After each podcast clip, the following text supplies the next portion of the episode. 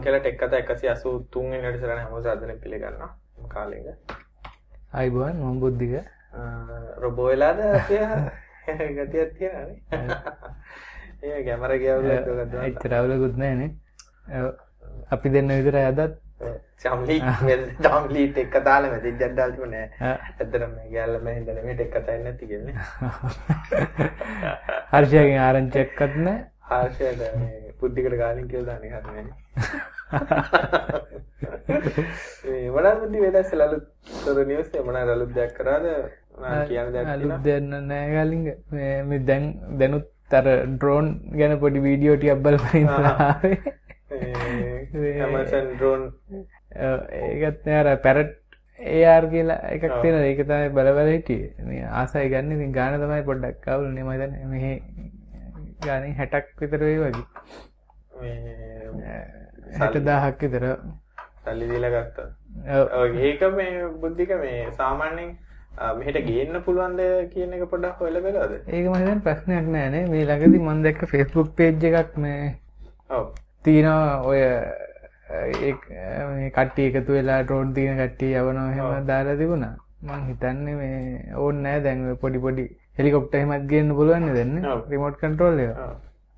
ඒකෙන් මේ ගලින් මං ලින්ක් එක එවන්නම් වෙලාවක මේ ලස්සන වීඩියෝ එකක් කරලා තිබුණා අර රුවන් කොස්තා මහත්තයා අර කැමරා අධ්‍යක්ෂක කෙනෙක් කියන එයා මේ ඒක අර GoPro කැමරා එකක් මවුන්ට් කරලා එක ඩ්‍රෝන් එකක ඒක ගොඩක් සීගිරිය උඩින් ඔය එක තැන්වලින් යවලා මේ වීඩියෝ එකක් කරලා තිබුණා. අමාරු ලස්සනයි ඒක මේ ඩ්‍රෝන් එකක් ගෙම අපි ඔව් නේද? අපිටත් දෙරිය පාර ටෙක් ඩීනෝ ඩීලියෝ කරා ඇමසල්ලා වගේ. වැඩි දින්නේ. ඕක ගිහිල්ලා ඔය කොහේ හරි වැදිලා කැඩුනට පස්සේ ඉතින් අපිට ඔරොත්තු දෙන්නේ නෑ නේ අච්චර ගණන් දීලා. මේ අර යාළුවෙක්ගෙන් අහුව මිනිහා ඔය ඩ්‍රෝන් පිස්සුවක් තියෙනවා. මිනිහා කියන ටිකක් අර එල පුරුදු වෙන ටිකක් අමාරුයි කියලා.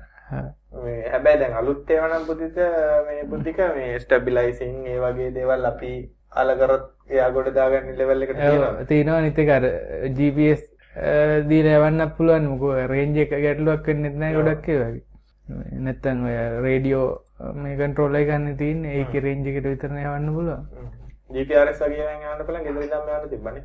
ඔව්. මම හිතන්නේ මේ පුළුවන් මේ පැරට් එකේ තියෙන මම හිතන්නේ මොඩියුල් එකක් මේ මේ 3G වලින් මේ කන්ට්‍රෝල් කරන්න. ඔව් කන්ට්‍රෝල් කරන්න වීඩියෝ ෆීඩ් එක ගන්න. ප්ලේන් තරම් උඩ යන්න බැරි ඉන්න හොඳයි. ඒක නරක නෑ. මේ WTC කුඩට වගේ ගිහිල්ලා යවන්න පුළුවන්. ඊට අමතරව මොනවද තියෙන්නේ? කතන්දර නිවුස් කියලා විශේෂ නිවුස් එකක් මම නම් දැක්ක නිවුස් අපි බලන්න නැතුව නිවුස් බලන්න නිවුස් හැබැයි ඉතින් නිවුස් එකක් කියන්නේ Microsoft එකයි Twitter එතකොට blog ගාරම හැක් වෙවි යනවා. ඒක ඉතින් නිවුස් එකක්ද කියන එකත් ඒකයි කලින් අර මේ ඔය ඇමරිකාවේ ඔය එන්නස්සේකින් ඔය හැමෝගේ මේල් බලනවා හොම කියලා කතාව කතාවන්න විදි කරනවා ඇති ඇත්තටම? හොම තිබුණ මේල් බල පෙලන්න එන්නවට පිස ඒක මේ සෑහෙන් ඔය අන්දෝලන ඇත්වන බෞග දවස්සල මේ අහිතන්න මේ ජනාධිපති මේ ඔබාම ඒක ගැන මොකක් හරි කියලා තිබුණ. ඒක තමයි මේ ගී සති නිවස්වල ගොඩක් වගේ තිබුණා මේ. ඔබාම කියන්නේ නෑ එයා කියලා මේ සමහර වෙලාවට ඉතින් කියන්නේ ඔය ඒක ඒජන්සි වලින් කරන වැඩ මේ ඒගොල්ල ඇතුළෙම තියෙනවනේ. කියන්නේ අනිත් ඒවා අනිත් කට්ටිය දන්නෙත් නෑ. මොකද ඒගොල්ලන්ගේ ප්‍රෝග්‍රෑම් තියෙනවනේ. ඒවා මේ නවත්තන්න පියවර ගන්නවා කියලා තමයි යා කියලා දෙන්නේ කරන්නේ මොනවද කියලා කියලා දෙන්නේ ඒක මේ ළඟදී ඕවා ගැන කොයිනට බුද්ධික? මේ මට දැනගන්න ලැබුණා මේ සීමි 4K බල්ල එකක් ටැප් කරලා තියෙනවා කියලා. ටැප් කරලා. ඔව්. එතකොට ඉතින් කොයි යන කමියුනිකේෂන් එකක් ගන්න පුළුවන් නේ. එහෙම කතාවක් මොකද ඕක ඒක මම පස්සේ හොයලා බලන්න විකිපීඩියා එකෙත් දාලා තියෙනවා මේ ආටිකල් එක එඩිට් කරලා කවුරු හරි දාලා දෙනවා මම දැම්මේ නැහැ. සීමි 4 එක හැක් කරලා මේ හැක් කරලා කියන්නේ අතන ටැප් කරලා ඒකේ data මෙතින් ඉන්ටර්සෙප්ට් කරනවා කියලා. හැබැයි ඉතින් කරන්න බැරි ගම මොකද නෑ ෆයිබර් එකක් නේ. ඔව්. එකක් නේ ෆයිබර් ගොඩක්. කරන්න බැරි ගන්න. ඔව් SLT 4G එනවලු. ඒක හොඳ මේ තමල්ලට දුර පැතිවල ඇවන දැන් ගොඩක් තියන්නේ පෝජී තිබුණට මේ කොල්ලබටයි ඔය ටවන්වල්ට විතරණ තියන්නේ. හැබැයි 4G බුද්ධික මම හිතුවට වඩා හොඳයි. හොඳයිනේ ඔව් ඒ කියන්නේ මමත් සාමාන්‍යයෙන් බලාපොරොත්තු වෙන්නේ ඕක දැන් චාටර් දැන් දැනට කට්ටිය නැති හින්දා දන්නේ දැනට නම් හොඳයි. ඉතින් දැන් මමත් අරගෙන මාස හතරක් පහක් විතර වෙනවා තාම ඒ කියන්නේ හොඳ නෑ කියන කට්ටිය අඩු සෑහෙන මේ හැබැයි ඔෆිස් වලට එහෙම ගත්තාම මල්ටි කනෙක්ෂන් යනකොට ඔව් ඒක ඒක වෙනවා. ඒ කියන්නේ 10 15ක් එකට පාවිච්චි කරනවා. ඔෆිස් එක ඉතින් බේරන්න බෑ ඉතින්. ලේසි නේද? හොඳ කනෙක්ෂන් එකක් නැතුව. මේ පර්සනල් පාවිච්චි කරන කට්ටිය නම් හොඳයි කියලා තමයි කියන්නේ ගොඩක් අමතර ලොකුම තියෙන මම සයින ජෙනරල්ට මාරුනානේ. මම ඇත්තටම පාවිච්චි කරන්නේ මේ නයිටි බිල්ඩ් එක. නයිට්ලි බිල්ඩ් එකක් කියලා කියන්නේ මේ රෑට රෑට හදලා දාන එක. ඒ කියන්නේ ඇත්තටම දැන් ওই software එක රිලීස් කරනකොට රිලීස් කරන තියෙනවානේ beta alpha ඊට පස්සේ බොය දැන් Microsoft ලා කියන්නේ release to මැනිෆෙක්චරර් ඔය කියන්නේ මැනිෆෙක්චර් කරන කට්ටිය රිලීස් කරන බීටා ඒවා ඊට පස්සේ RTM එක එක කතන්දර කියලා තියෙනවා මේ ඇත්තටම මේවා ස්ටේබල් නැතිම වර්ෂන් එක තමයි නයිටි බිල්ඩ් එකක් කියලා කියන්නේ. ඒක වෙන්නේ ඇත්තටම අර අර ඔය කන්ටිනියස් ඉන්ටග්‍රේෂන් කියලා පාවිච්චි කරනවනේ ගොඩක් කට්ටිය මේ. ඒ කියන්නේ අපි මොනවා හරි චෙක් ඉන් කරනකොටම බිල්ඩ් වෙනවා. එතකොට ඒ නිතරම ස්ටේබල් සෝස් එකක් තමයි රෙපෝ එකේ තියෙන්නේ. ඉතින් ඒ වගේ ඒකෙම හදලා තියන්න පුළුවන් හැමදාම මෙන්න මේ වෙලාවට තියෙන සෝස් එක බිල්ඩ් කරලා මේ රිලීස් එකක් හදන්න කියලා. ඒ වගේ තමයි නයිට්ලි බිල්ඩ් කියලා කියන්නේ. උදාහරණයක් ගත්තොත් මගේ එක ගත්තොත් එහෙම මගේ දැනට තියෙන එක මේ මම ඉන්ස්ටෝල් කරපු ලිස්ට් එක මේකේ පේනවා. ඔය මේ මේක පැහැදිලිව නම් පේන්නේ මගේ දාලා තින්නේ 20 2014 පළවෙනි මාසේ විසියෙක් වෙන්දා එක තමයි දැන් ඉන්ස්ටෝල් කරලා තියෙන්නේ. හැබැයි බුද්ධික මම දැන් 3-4ක් ඒ විදිහට අප්ඩේට් කරා. එකක් දැකපු එකක් තමයි සයිනජෙන් දැම්මාම HTC One එකේ ස්ටොක් එකට වඩා බැටරි ලයිෆ් එක ගොඩක් ඉම්ප්‍රූව් වුණා. දැන් ගොඩක් අය කියන්නේ අනිත් පැත්ත යනවා කියලානේ. ඒ කියන්නේ ස්ටොක් එකට වඩා මේ දැන් සයිනජෙන් එකට වඩා අනිත් OS එකෙන් ඉම්ප්‍රූව් කරලා කියලා. පර්ෆෝමන්ස් වැඩි වුණාට බැටරි අඩු වෙනවා කියලා කියන්නේ. දැන් ඒ වුණාට මේ මේකේ බැටරි ඊට වඩා තියෙනවා. දැන් සාමාන්‍ය පැය 17ක් 18ක් විතර දැන් තියෙනවා. සාමාන්‍යයෙන් ඒක මගේ සාමාන්‍යයෙන් තිබුණේ බුද්ධික පැය 12ක් විතර වගේ. සාමාන්‍යයෙන් හවස 6 වෙනකොට ගොඩක්ලා රතු ලෙවල් එකට ඇවිල්ලා දැන් තාමත් දැන් බලන අද දවස්වල තාම 148ක් තියෙනවා දැන් බැටරි යූසේජ් එක ගත්තොත් එහෙම පැය 12ක් තාම බැටරියෙන් ඉඳලා තියෙනවා. මේ තියෙන බැටරි යූසේජ් එක. තාමත් 148ක් තියෙනවා. ඉතින් ඒක ගොඩක් හොඳයි එක එකක් දැකපු එකම. කාලින් එතකොට දැන් ඕකේ වැටෙනවනේ ප්‍රොපෝෂන් එක කොච්චරද ගියේ කියලා ඒක වෙනස් වුනේ නැද්ද? අර ඒක වෙනස් වුනේ නැහැ බුද්ධික. හැබැයි එකම දැකපු දේ තමයි 3G සිග්නල් පොඩ්ඩක් අඩු වෙලා දිනවා බුද්ධික. ආ දැන් ඒ කියන්නේ මං ඉස්සර දැන් ඇත්තටම අපේ මගේ Wi-Fi වල මේන් රික්වයර්මන්ට් එකයි টয়ලට් එකට ගියාම Wi-Fi වැඩ කරනවා. මං අර පිටිපස්සේ පේන ඇති ඔය ලොකු ඇන්ටනා දෙකක් තියෙන එකක් හයි කරලා තියෙන්නේ මේ සිග්නල් ටිකක් එන්න ඕනේ. මම සාමාන්‍යයෙන් රවුටර් එකේ පවර් ස්පීඩ් එක දාලා තියෙන්නේ 175ක් විතර කියලා තමයි තියෙන්නේ. ඉස්සර නම් කියන්නේ ෆෝන් එක මම කලින් රවුටර් එක තියෙනකොට මේ මේකේ ස්ටොක් ROM එක තියෙනකොට HTC ඔරිජිනල් ROM එක තියෙනකොට සිග්නල් ආවෙම නෑ. ඒ කියන්නේ කැඩි කැඩි වගේ එන්නේ. ඊට පස්සේ රවුටර් එක මාරු කරා ෆුල් සිග්නල් වල වැඩ කරා. ආ සයිනජෙන් දැම්මට පස්සේ බාර් දෙකක් විතර දැන් අඩු වෙලා තමයි පේන්නේ. ඒ කියන්නේ ඩ්‍රයිවර් එකේ මොකක් හරි අවුලක් තියෙන්නේ. ඊට අමතරව ටච් එක ඒ වගේ දේවල් ගොඩක් ඉම්ප්‍රූව් වුණා බුද්ධික. ඉස්සර සාමාන්‍ය වචනයක් ටයිප් කරනකොට වැරදි අකුරු ගොඩක් වෙලාට වදිනවා. තව එකක් තමයි HTC ස්ටොක් එකේ අපි දැන් සිංහල ගහනකොට මම කන්න යනවා කියලා ස්පේස් කරොත් ඔටෝ කරෙක් දාලා එයා මොකක් හරි ළඟට තියෙන වචනයක් ගන්නවා මිස මම බෑක් කරාට ඒක ආයි කරෙක් රීකරෙක්ට් කරන්නේ නැහැ. ඒ කියන්නේ අර පරණ වචනෙට එන්නෙම නෑ. මං අරක ගහලා අර හැමතිස්සෙම ඩික්ෂනරියට ඇඩ් කර කරම දාන්න ඕනේ. දැන් දැන් Google default keyboard එක දාන්නත් බෑ HTC එකට. Google default keyboard එක දැම්මම මේ ප්‍රශ්නෙත් හරි ගියා. 4G වල බැටරි නම් දාලා බලන්නේ මොකද මම 4G on කරන් ඉන්නේ නැහැ 3G තමයි on කරන් ඉන්නේ. 4G වල බැටරි තත්ත්වය නම් ඉතින් දන්නේ නැහැ මොකද මම ෆෝන් එක 4G access point එකක් විදිහට පාවිච්චි කරන්නේ නැති නිසා. නමුත් සාමාන්‍යයෙන් ඉඳලා ඉත ඩවුන්ලෝඩ් එකක් දානකොට සයිනජින් එකක් අප්ඩේට් කරනවා මම 4G දාන එහෙම කන්සිඩරබල් වෙනසක් නම් දැක්කේ නැහැ. ගොඩක්ම දැක්කේ බුද්ධික ස්පීඩ් එක තමයි. ඇත්තටම මාරම ස්මූත් සොලිඩ් ගතියක් තියෙන සයිනජෙන් ඒ කියන්නේ සයිනජෙන් ඇත්තටම මේ 11 කියන්නේ කිට්කැට්. මේකේ තියෙන්නේ. ඒක නම් ගොඩක්ම හොඳයි බුද්ධික මම නම් හරිම කැමති. අනිත් එක තමයි දැන් කිට්කැට් වලදී මේගොල්ලෝ මැසේජින් ඇප් එක අයින් කරන්නේ බුද්ධික. නමුත් සයිනජෙන් වලදී තාම මැසේජින් ඇප් එක තියෙනවා. කැමති නම් මේ මේක පාවිච්චි කරන්න පුළුවන්.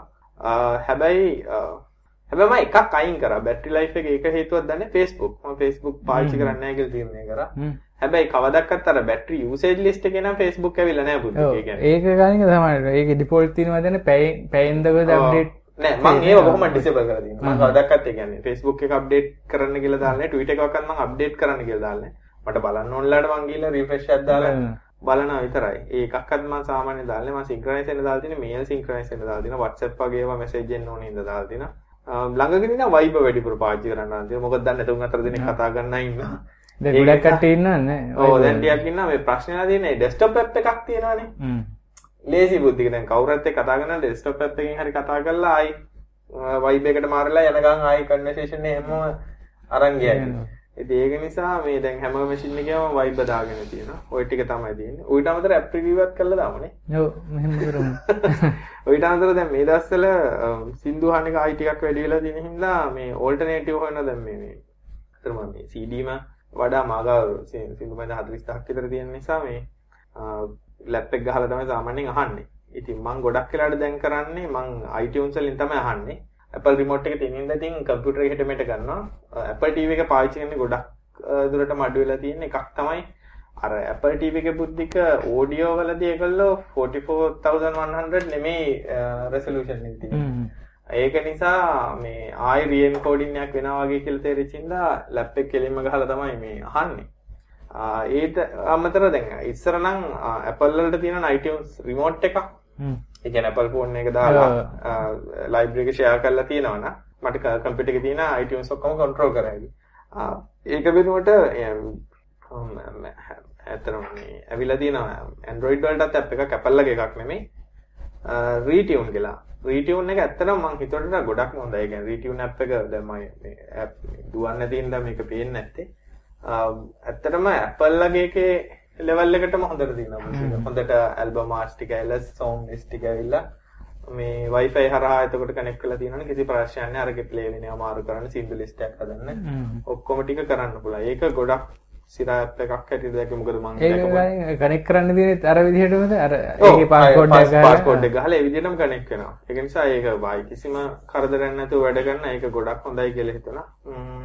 ඊට අමතරව ඉතින් වෙන විශේෂ ඇප් එකක් විදිහට දැක්කේ මේ මේ දවස්වල අර ෆේක් ෆෝන් තියෙනවනේ බුදු ලොකුම ප්‍රශ්නයක් මේ හැමෝටම අපි ඕකත් ටිකක් කතා කරමු. මේ කොරියන් වර්ෂන් කියලා තියෙනවා. වියට්නාම් වර්ෂන් කියලා තියෙනවා. ඔය කොයි වර්ෂන් දැන් Samsung Galaxy ගත්තත් S4 කොරියන් කියලා කියනවා. ඊට පස්සේ S4 චයිනා කියලා කියනවා. S4 ඊට පස්සේ වියට්නාමීස් කියනවා. මෙහෙමයි. S4 ඇත්තටම හදන්නේ Samsung ඕන ෆෝන් එකක් හදන්නේ Samsung සමාගමෙන්. ඒක කොරියන් සමාගම. එතකොට ඉතින් එක්ක මේඩ් ඉන් කොරියා එක්ක මේඩ් ඉන් චයිනා. ওই දෙකට එකක් තමයි වෙන්නේ. ඒකට හේතුව තමයි ඉතින් මැනුෆැක්චරින් කරන්නේ ලෝකෙ කොහෙ ගත්තත් iPhone එක ගත්තා චයිනාවල. ඒ ප්‍රොඩක්ෂන් අඩු කරන්න ඕනේ. නමුත් ඒ ෆෝන් එකේ ගුණාත්මක භාවය වෙනසක් වෙන්නේ නැහැ හදන. නමුත් මේ ගොඩක් අය දැන් ඔය හැමතැනම ඉක්මන්.lk අර මේ දාලා විකුණන්නේ මේ භාගයට භාගයක් අඩුවට ඔය චයිනීස් වියට් කොරියන් වර්ෂන් කියලා ඇත්තටම ක්ලෝන් එකක්. ක්ලෝන් එකක් කියලා භාගයටත් වැඩි. අර තුනෙන් එක වගේ ගානකට වෙනවා. ඒක ඇත්තට ෆේක් එකක් බුද්ධික. ෆේක් එකක් කියලා කියන්නේ අර වගේ පේන්න වෙන කොහේ හරි කවුරු හරි හදපු හොර ෆෝන් එක. ඒකේ RAM අඩුයි, processor අඩුයි, screen sizes වෙනස්, resolution අර වගේ නෑ. ඉතින් ඔය ෆෝන් identify කරන්න ලේසිම ක්‍රමය තමයි මොකද දැන් UI පව අර විදිහට දාලා තියෙන බුද්ධික වන්න බෑ. identify කරන්න ලේසිම ක්‍රමය තිබ්බේ ෆෝන් එක on කරලා computer එක ice software එක දාලා කයිස් කියන්නේ මේ iTunes වගේ Apple sync කරන්න එනවා වගේම Samsung ලගේ ෆෝන් වලට කනෙක්ට් කරන්න හදපු software එක. ඒ කියන්නේ ඔයාලට මූවි කොපි කරන්න, සින්දු කොපි කරන්න. ෆෝන් එක genuine ෆෝන් එකක් නෙමෙයි කයිස් වලින් පෙන්වන්නේ නැහැ. කයිස් දාලා කනෙක්ට් කරන එක තමයි සාමාන්‍ය ක්‍රමෙ දෙබිටි. ඒකත් කරන්න බෑනේ කඩේකට ගිහලා කයිස් දාන්න බෑනේ. ඊළඟට මම ටිකක් චෙක් කරලා බලුවා වගේ ෆෝන් දෙක තුනක් කරා CPU C කියලා අපි Windows වල පාවිච්චි කරන එකක් තියෙනවනේ බුද්ධික. මේ CPU C දැම්මහම අපිට බලන්න පුළුවන්. දැන් උදාහරණයක් ගත්තොත් මගේ මොකක්ද තියෙන්නේ? මගේ තියෙන්නේ Qualcomm Snapdragon 600 1.7 quad core processor එක.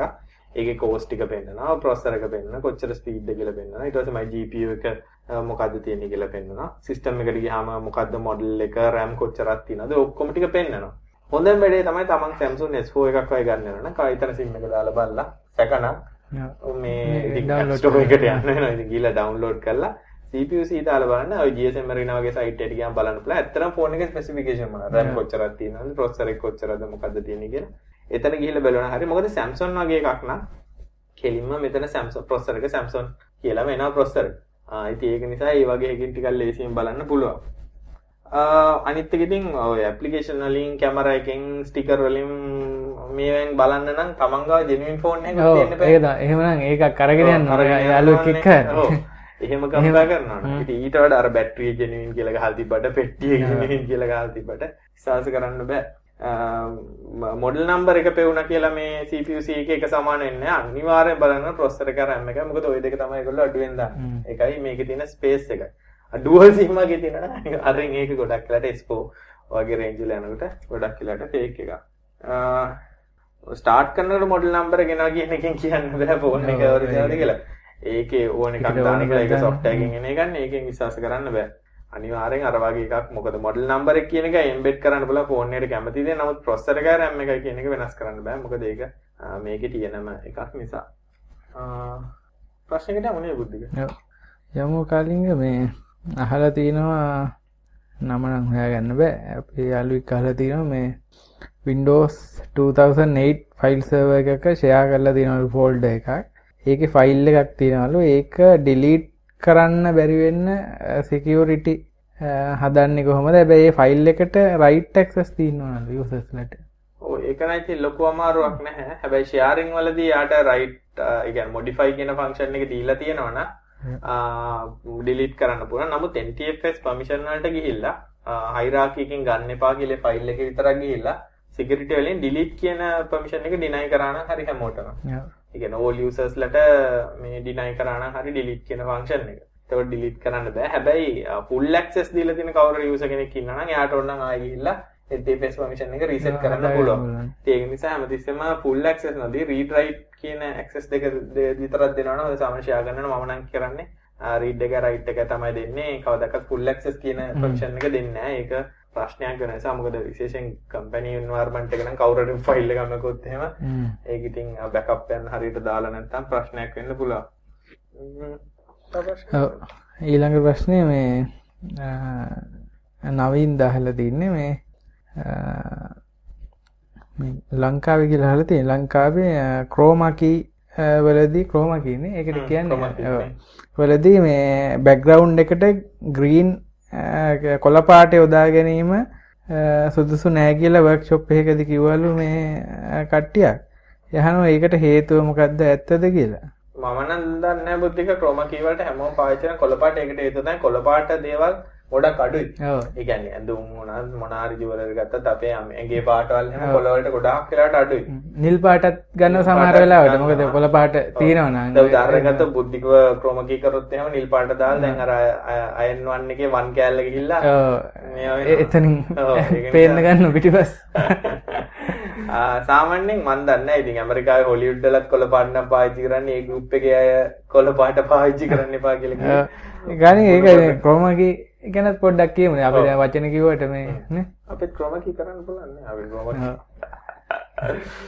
දැන් කරන්නේ නැති ඒක නිසා දන්නේ උදික් කියමුකනේ ඔව්. ඒ කියන්නේ ඇත්තටම අර වීඩියෝ එක වීඩියෝ කියලාම නෑ. ඒක ඕනි ඕනි ඉමේජ් එකක මේ තියෙන අර එක කලර් එකක් වෙනුවට වෙන ඉමේජ් එකකින් රිප්ලේස් කරන එකක් තමයි ඒක වෙන්නේ. ඒ කියන්නේ ඔය ඒකේ පාවිච්චි කරන වෙලාවල් තමයි අපි හිතමු. අපි දැන් මෙහෙම කතා කරනවා අපිට ඕනම් මෙතන ලස්සන බැක්ග්‍රවුන්ඩ් එකක් දාගන්න ක්‍රම දෙකයිනේ තියෙන්නේ. එක්කෝ අපි මේක මේ ප්‍රොසෙස් කරලා දාන්න ඕන. නැත්නම් ඇත්ත ඒ වගේ තැනකට යන්න එපා.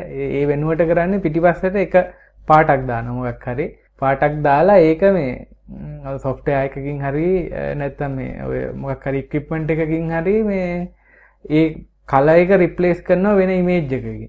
ඒ ගොඩක් වෙලාවට කොළ පාට තමයි ගන්නෙ. මොකද මේ අර ඉස්සරහා තියෙන ඔබ්ජෙක්ට් දැන් අපිට මකන්න ඕනේ නැති ඒවා කොළ පාට වෙනවා අඩුයි දැන් සාමාන්‍ය මිනිස්සෙක් හිටියත් කොළ පාට වෙන්නේ නැහැනේ ඒකින්ද මේ ඉතින් ඒකට ඕනි පාටක් ගන්න පුළුවන් ඇත්තටම අර එකම මේක තෝරගන්න ඕන අර අපිට තියාගන්න ඕන දේවල් අර බැක්ග්‍රවුන්ඩ් එකේ තියෙන පාට නැති වෙනවා. කළු පාට ගන්න බෑනේ. කළු ගත්ත කොණ්ඩේ ගහලා යනවා, ටී-ෂර්ට් වගේ ගහලා යනවා. අපිව නම් අපිවත් ගහලා යනවා.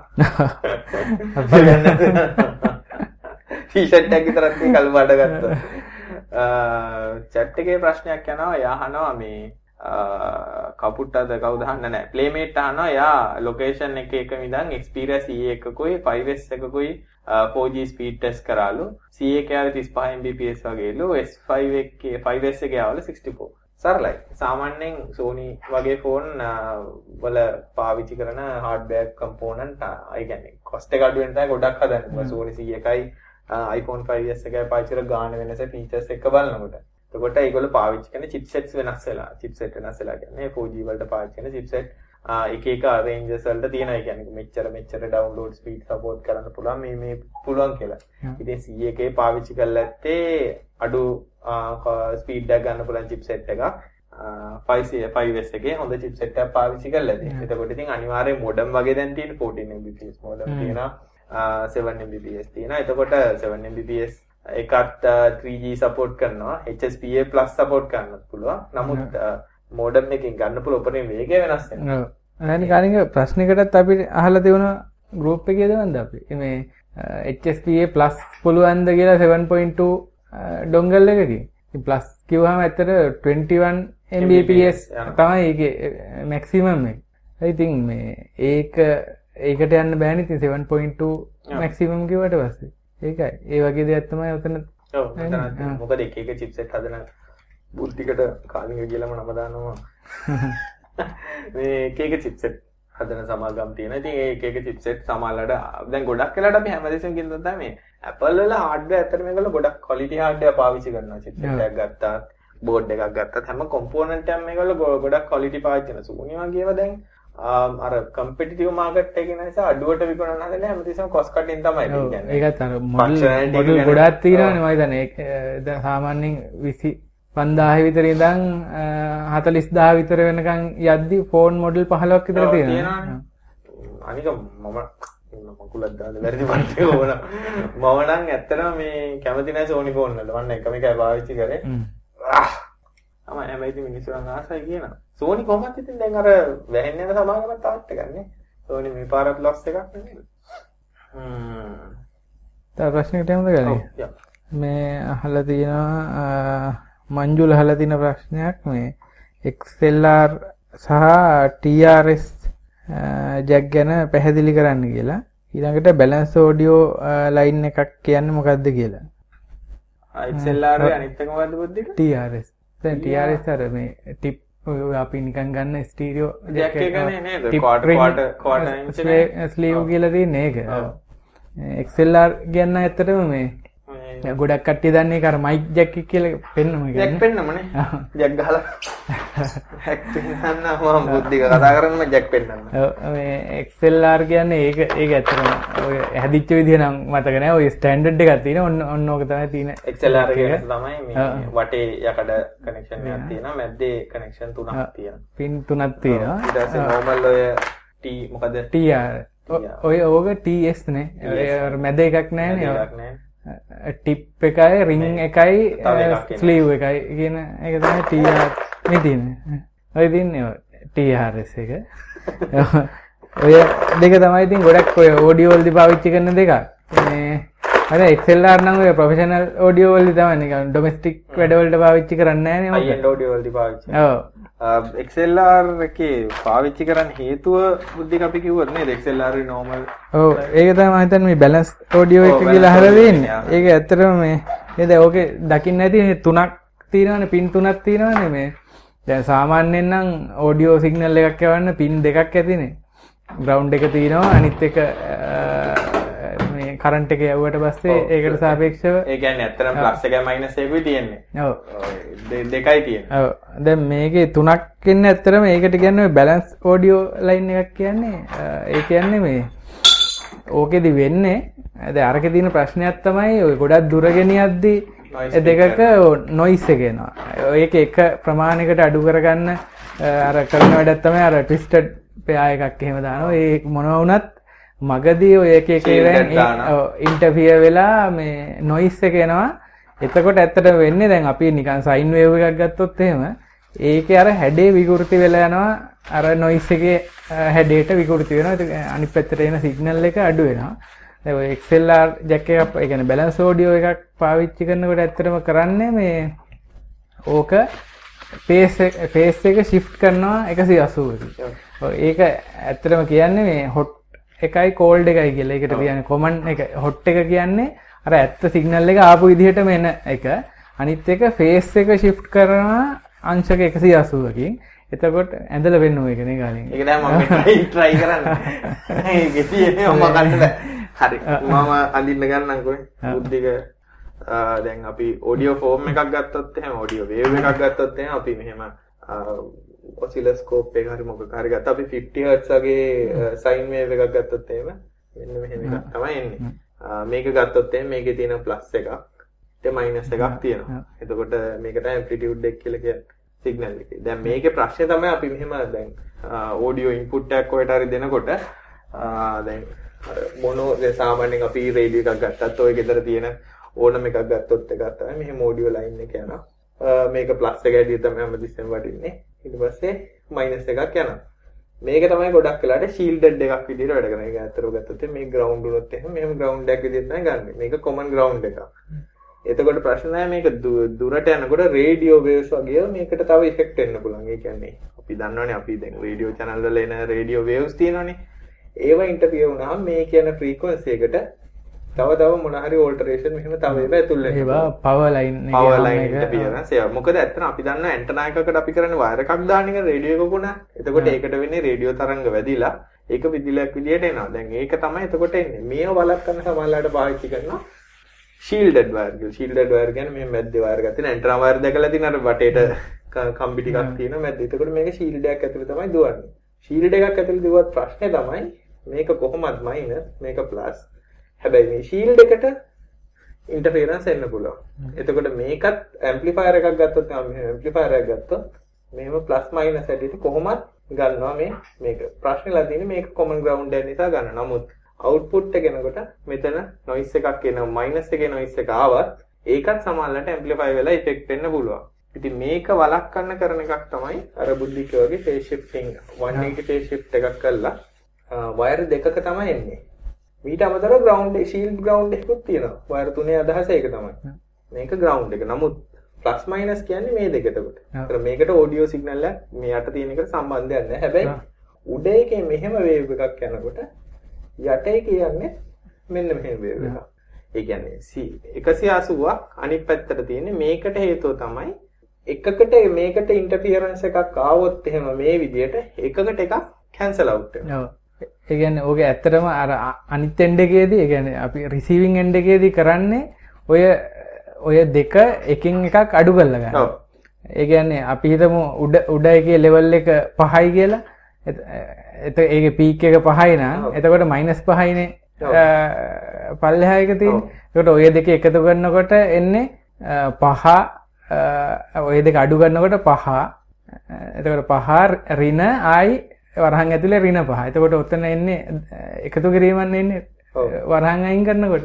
එතකොට එන්නේ 10යි කියලා තමයි ඩබල් වෙලා එන්නේ මේ මේක. හැබැයි ඔතනට නොයිස් එකක් ඇඩ් වුණොත් එහෙම නොයිස් එකක් ඇඩ් වෙන්නේ අපි හිතමු දෙකක නොයිස් එකක් ඇඩ් වෙනවා කියලා. ඔව්. එතකොට ඇත්තටම එන්නේ කාලින්ග ඒ දෙක නොයිස් එකක් දෙකයි. එක තැනකට දෙකයි. පහයි පහ කියන්නේ සිග්නල් එක ප්ලස් නොයිස් එක දෙකයි. ඊළඟට රින පැත්තට රින පහයි. සිගනල් එක අයි නොයිස් එක රින දෙකයි. නෑ රින දෙකනේ නොයිස් එකත් දෙකයි ඕකෝ ඒක ඒක ශිෆ්ටෙන් නෑනේ. ප්ලස් දෙකයි එන්නේ. එතකොට ඕක සුළු කරලා ගන්නකොට වෙන්නේ අර ධන දෙක ඒ රින දෙකයි කැපිල යනවා. නොයිස් එකට. එතකොට මේ 10 මේ තමයි සිගනල් එකේ. ඕක තමයි ඇත්තටම වෙන්නේ.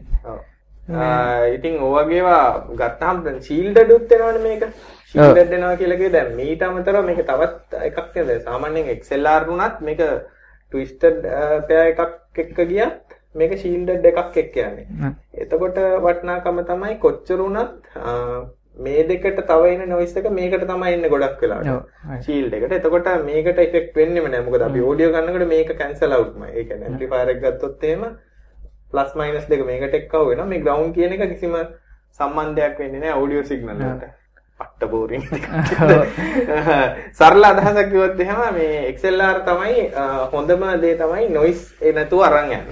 හැබැයි එතකොට දැන් උදාහරණයක් ගත්තොත් ටෙක් කතාවල මේ මික්සර් එක ගත්තත් මේකත් XLR තමයි අපි ඔව් බුද්ධික ඉවරලා.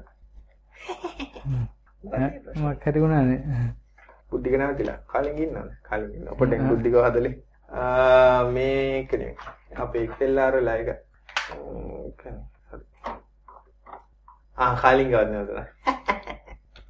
බුද්ධිගත් නෑනේ අපි රිසර්ච් එකක් දාලා අපි දෙන්නම නැවතුණා. හරි. මේ ඕකේ අර ආර ඇත්තට ඔය ඔය බැලන්ස් ඔඩියෝ කියන එක පාවිච්චි කරන එකක් තමයි මේ වීඩියෝ එක නැවතිලා හරි. මං ඉන්නවා. බුද්ධිගත් ඉන්නවා? මගේ පත්තු ඉන්නේ හරි අපි ඒක හදන අතරේ බුද්ධි විස්තරය කියමු මේ ඒක පාවිච්චි වෙන තැනක් තමයි අපි දැකලා ඇති මියුසිකල් ෂෝ එකක්ෙන් බලන්න ගියාම දැන් අර ඉස්සර එහෙම අර මික්සර් එකේ එහෙම ওই ස්ටේජ් එකේමනේ තියෙන්නේ දැන් අර අර පිටිපස් ඒ කියන්නේ සාමාන්‍යයෙන් අපි ඉන්න ග්‍රවුන්ඩ් එක ගන්නම් ඕකේ තුනෙන් දෙකක් වගේ දුරකට පිටිපස්සට ගේනවනේ. ඒ කියන්නේ අර සිග්නල් ටික මේ මයික් වලින් එහෙම ගේනවා ගොඩක් ඒවා ඒ විදිහටම ගේනවා ගොඩක් දුරට. එතකොට දැන් අපි නිකන් ඕක දැනලා ඇති අපි ගෙදර ඇතුලේ මොකක් හරි අපි හිතමු DVD ප්ලේයර් එකකින් කියලා ඕකෙන් ගත්තත් ටිකක් ඇම්ප් එකකට දුර තියෙන එකකට නොයිස් වෙනවනේ. ඒත් අර වගේ එකකදී එච්චර දුර ගන්නවා නොයිස් වෙන්නේ නැත්තේ ඇයි මේ ඒකෙදි ගන්න පාවිච්චි කරන්න ඔය බැලන්ස් ඔඩියෝ කියන එකක් ඒ කියන්නේ බැලන්ස් ලයින් එකක් තමයි ගෙනියන්න ඔය විදිහට ඉන්වර්ට් කරලා පේස් එක ෂිෆ්ට් කරලා මේ ලයින් වයර් තුනක තමයි ගෙනියන්නේ සිග්නල් එක. එතකොට මේ අඩුවේ සෑහෙන්න නොයිස් පික් වෙන එක. අපේ කැමරා පිත් එක්ක රියාදු කරන්න පටන් ගන්න තියෙනවා. කාලින්ගේ කැමර එක නම් තියෙනවා. බුද්ධික අයියා කැමර එකක් ආවා. ආවනේ.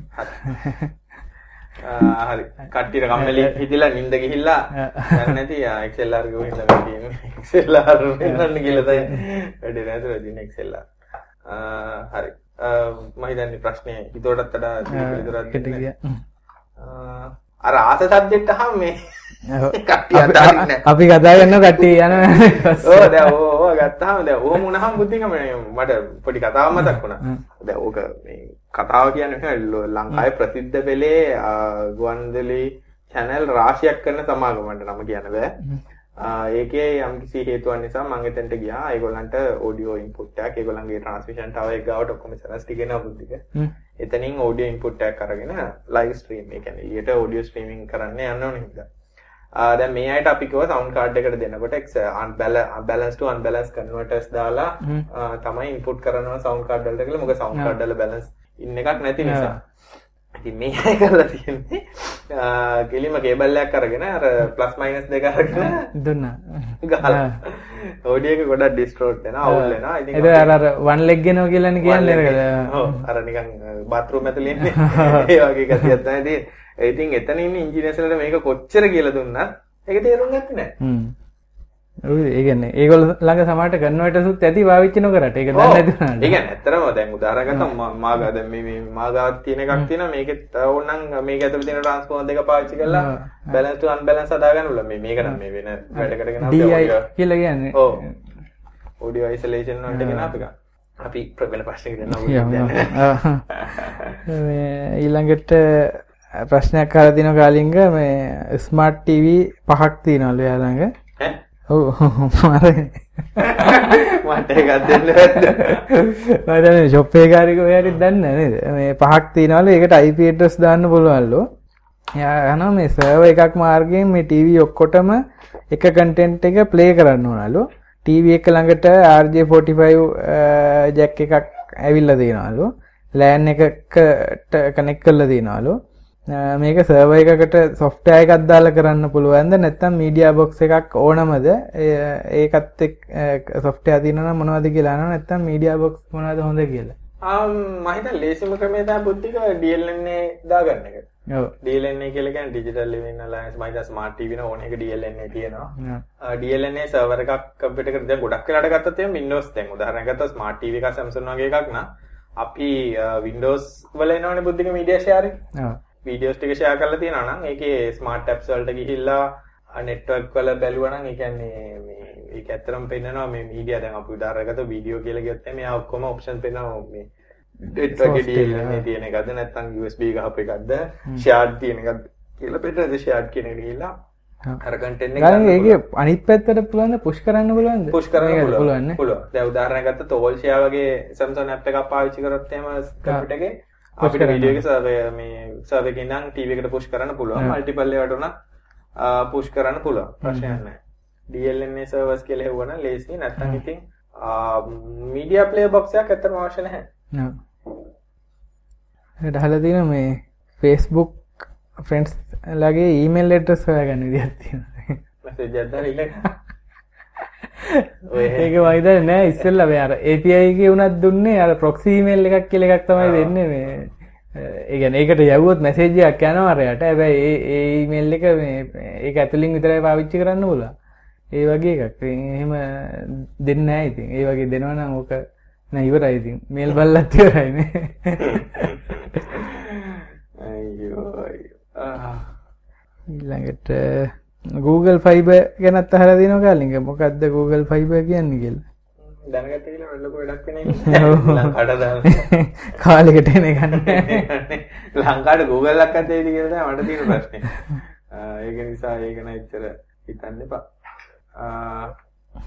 ඊළඟට අහලා තියෙනවා මේ ප්‍රෝලින් ප්‍රෝලින්ක් ඩොංගල් එකකින් කුබුන්ටු හරහා ඉන්ටර්නෙට් යන්න පුළුවන්ද කියලා. පුළුවන්. පුළුවන්. ඔව්. ඒ කියන්නේ ලිනක්ස් සපෝට් කරන ඩොංගල් එක ගන්න සපෝට් කරනවා. ඉතර මොකද චිප්සෙට් ගොඩක් වෙලාට කොමන් යන්නේ පාවිච්චි කරන්නේ. යා. ප්‍රශ්නයක් වෙන එකක් නෑ.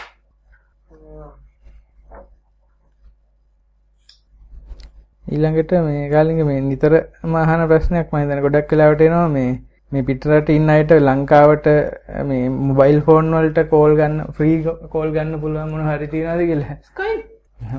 ඒ ඒක මේ මං හිතන්නේ ඔය කියන්නේ ස්මාර්ට් ෆෝන් වලට නෙමෙයි නිකන් මොබයිල් වලට ඔය ගන්න වෙන්නේ නැති. එහෙම.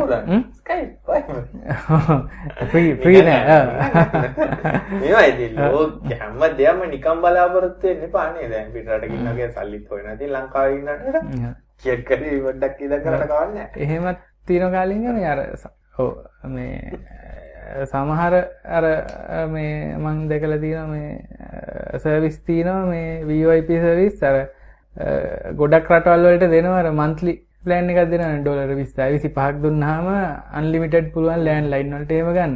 එතකොට ඒත් මෙහෙට ගන්න බෑ. මෙහින් ඒ සොෆ්ට්වෙයාර් එකම කොහෙන් හරි දාලා තියෙනවා නම් ඒ රටට ගන්න පුළුවන් ඉතින්. මේ ඒ කවුන්ට් එකෙන්ම ලොග් වුණාම. මම නම් සරල උපදේශයක් දෙන්නම් මේ ලංකාවේ ඉන්න කෙනෙක් නම්. මම්මලා හරි තාත්තලා හරි කාට හරි නම් කතා කරන්න ඕනේ. ඒ අයට ටිකක් හොඳ ස්කයිප් දාන්න පුළුවන් ෆෝන් එකක් ඒවා. ස්කයිප් වගේක් ඉන්ස්ටෝල් කරලා ඩේටා පැකේජ් දැන් ගොඩක් ලාභ ලංකාවේ පිටරටත් එක බලන රුපියල් 9ක් දෙනවා 1 GB විතර පැකේජ් එකක් දාගන්න පුළුවන්. ෆෝන් එකේ ස්කයිප් ඉන්ස්ටෝල් කරලා ඔක්කොම සෙට් කරලා මෙහෙට යන සිම් එකේ තරක් අම්මේ දාගන්න කියලා. කවුරු හරි ඉතින් ෆෝන් එකට සිම් එකක් දාන්න පුළුවන් තත්ත්වේ එක්කෙනෙක් ඉතින් තමන්ගේ ෆෝන් එකටත් ඉන්ස්ටෝල් කරගන්න ස්කයිප් හරි වයිබර් හරි මොකක් හරි එකක්. කතා කරන්න උදාහරණ ගත්තොත් අපේ ගෙදර එහා ගෙදර ඉන්න ඇන්ටිලාට එහෙම කරලා දීලා තියෙනවා. iPhone එකක් ඒවලා තියෙනවා. ගෙදරට Wi-Fi දාලා දීලා තියෙනවා. iPhone එක කනෙක්ෂන් iPhone එකකින් මම එක ලොක් එකක් ඉඳ ඒකට Wi-Fi Skype විදාලා තියෙනවා. ඒගොල්ලෝ දන්නේ ඒක charge කරන්න විතරයි. ඒකට වැඩ කරනවා හොඳට. ප්‍රශ්නයක් නැහැ ඉතින්. මිනිස්සු පුරුදු වෙන ටිකක් දාස් යනකොට නේද? මං හිතන්නේ ඒක ලේසි වේ ඔයගලන්ට එක එක සොලියුෂන් වෙනකොට ඒ කියන්නේ. මේක දාලා අරකට හැක් කරලා මේකට කහක් දාලා ගන්නට අර වගේ පර්මනන්ට් සොලියුෂන් අනික වීඩියෝ කෝල් එකක්ම දාන්න පුළුවන්. මට පේන ළම්මේ මගේ මූණ කියලා. ඒ වගේක් දාන්න පුළුවන්. හැබැයි ඉතින් වයිට් ටෝර් ගමන් ගිහිල්ලා මේ වැඩේ ඔෆිස් එකේ ඉන්නේ කියලා වීඩියෝ දාන්නවා පොඩි ඒ අරින් ඉතින් වෙනනම් ප්‍රශ්නයක් නැහැ. ඉතින් මම නම් කියන්නේ ඒ වගේ දෙයක් කරන එක තමයි මගේ නම් දකින්නේ. හැබැයි ඉතින් තවත් සොලියුෂන් නැති නේ ඊටත් වඩා අමාරු ස්කයිප් ෆෝන් කියන්නේ අතරම කෙලින්ම එකට ගහන්න පුළුවන් ෆෝන් තියෙනවා Wi-Fi තියෙනවත් තියෙනවා. Wi-Fi තියෙනවා තියෙනවා ගෙදරට ADSL වගේ පොඩි පැකේජ් එකක් කරන් දීලා ඔය පොඩිම පැකේජ් එක කරන් දීලා. දැන් Skype ෆෝන් එක ලාභය හරිට වඩා නේද? මොබයිල් ෆෝන් එකක් කරන් ගන්න දෙනවට ලාභයි. 20000කට අඩුවෙන් ගන්න පුළුවන් 20000 විතර අඩුවෙන් ගන්න පුළුවන්. අරගෙන ඒකට ඔක්කොම සෙටින්ග්ස් ටික දාලා ගෙදරට යවලා දෙනවා ෆෝන් එකට දාගන්න. මට ඕන තැන ගිහලා කෝල් එකක් දෙන්න. ළඟට කාලින්ග අහලා තියෙනවා මේ මැක් වල ගේම් ප්ලේ කරන්න පුළුවන් දීලා ගේම්ස් මේ පුළුවන් නේද ඉතින් ඒ ගේම්ස් අඩු එක තමයි ප්‍රශ්නේ. ඔව්. මැක් වලට හැබැයි අර මැක් මිනි වල එහෙම නම් ඉතින් ලිමිටේෂන් තියෙනවා වීඩියෝ මෙමරි එක මේ මොකෝ කාඩ් එකක් ගහලා ඔක එක්ස්පෑන්ඩ් කරන්න බෑනේ. එහෙම හින්දා. ඔව්. ඊළඟට එක් කතා ගෙට්ටු ගෙද එක ගැන අහනවා මේ බලරුම් ප්‍රශ්නයක්. මෙහෙමයි වැඩේ තියෙන්නේ කවුරුත් දන්න ෆේස්බුක් ගෲප් එකකින් ඉන්න නම් දන්නේ නැද්ද ෆේස්බුක් ගෲප් එක 20000 ගුණොත් මම හිතේ 20000 වෙයි කියලා 20000 ගුණොත් ඒවා අපි කො පෙබරවාරි වල මීට අපිට අපි කියන්නේ මම පෞද්ගලිකව ගියා හිටියා මීටින් අපි නිකන් ඒ කියන්නේ ඇත්තටම නිකන් අම්බෙලා කතා බහ කරන විදිහ එකක් ඒ කියන්නේ මීටිමත් තියන්නේ අම්බෙලා කාට්ටි අඳුර ගන්න මේ එකක් තියන්න. ඉතින් ඒක තියන්න බැරි කමක් නැහැ. පෙබරවාරි කරන්නම තමයි ඉන්නේ. ඕගලගේ දර්ශක කියන්නේ කොහෙද මීට් වෙනද කොළඹ නම් තමයි අනිවාර්යෙන් පිට නම් අමාරුයි. ගාල්ල වගේ සමහර විට පුළුවන් නමුත් පිටායට ගාල්ලට එන්න කරදරයිනේ. අනික ගාල් එහෙම ගොඩක් මම දැනට ඉන්නම් හිතන් ඉන්නේ අපි ඉන්ඩිපෙන්ඩන්ස් ස්ක්වයර් එකේ හම්බ වෙන්න කියලා. හැබැයි එතන ඇවිල්ලා ජරා ගල්ලා ඒක විනාශ කරන්නේ නැතුව ආයි වෙන කාට හරි එන්න පුළුවන්. වෙන කාට හරි එන්න පුළුවන් විදිහට තියන්නේ නැහැ. කැම බීම ප්‍රශ්නේ තමයි දැනට තියෙන්නේ. කියන්නේ කට්ටියකට අඩු ගානේ 50ක්වත් දෙයිනේ. 50කට විතර කන්න පුළුවන් එන්න 50කට. ඒකයි මේ කට්ටියට මොනවද අදහසක් තියෙනවනේ ඉදාට මොනවද කරන්නේම කියලා? කට්ටිය කියන බීච් වල බීච් කියලා මේන් එකේ පැනලා මොකද වැල්ලා මොනාරට එක්කටා එක පුතක් පාත්තා කෙනෙක් දිය ගිලි නැසී කියලා කිව්වොත් එම පබ්ලිසිටි හොඳයි. ඒකට එක දලට කට්ටිය වැඩි වුණාට ඉතින් අපිට ඉතින් අනික සුරාසුදුවෙන් තොර එකක් වෙන්නත් එපා බීච් නැතුව කාටවත් අතවරයක් කරගෙන බැරි දැනකට සම්බන්ධ වෙන්න තමයි බැලේ. හැබැයි ඊට ඉතින් ක්‍රියාකාරකම් මොනවා හරි ටිකක් දාන්න පුළුවන් නේ බුද්ධික. හ්ම්. ඒක තමයි මේ මොනවාරි මේල් එකක් දාන්න කට්ටියට හිතනවා නම් මොනවද කරන්න කියලා. කරන්න පුළුවන් කියලා. එක්කෙනෙක් නම් අපිට කම්පියුටර් හදන හැටි කියලා දෙන්න හાર્ඩ්වෙයාර් ගැන වගේ කරන්න. ඉතින් අර වගේ තැනක මීට් වෙලා ඒ වගේ දේවල් කරන්න අමාරුයි නේ බුද්ධික. ඒක නැතර YouTube වලුත් කර දෙන්නේ වගේ වැඩක් නෑ. කට්ටිය කියන ඒක ඕන්නෑලු gadu ගන්නට එක්කදා දිගටම කරමු කියලා. මං කියන්නේ මීටින් එක තියෙන එක ලේසි. හරිට වඩා. හරිට වඩා ඒක නිසා මීටින් එක තියෙන එක ගැන අපි කතා කරමුකෝ. මොකද ඒ වෙනකොට පොඩ්ඩ කපා ගන්නත් මේ සුදු කෙස් කස් තියෙනවානේ. නාකි වෙලා.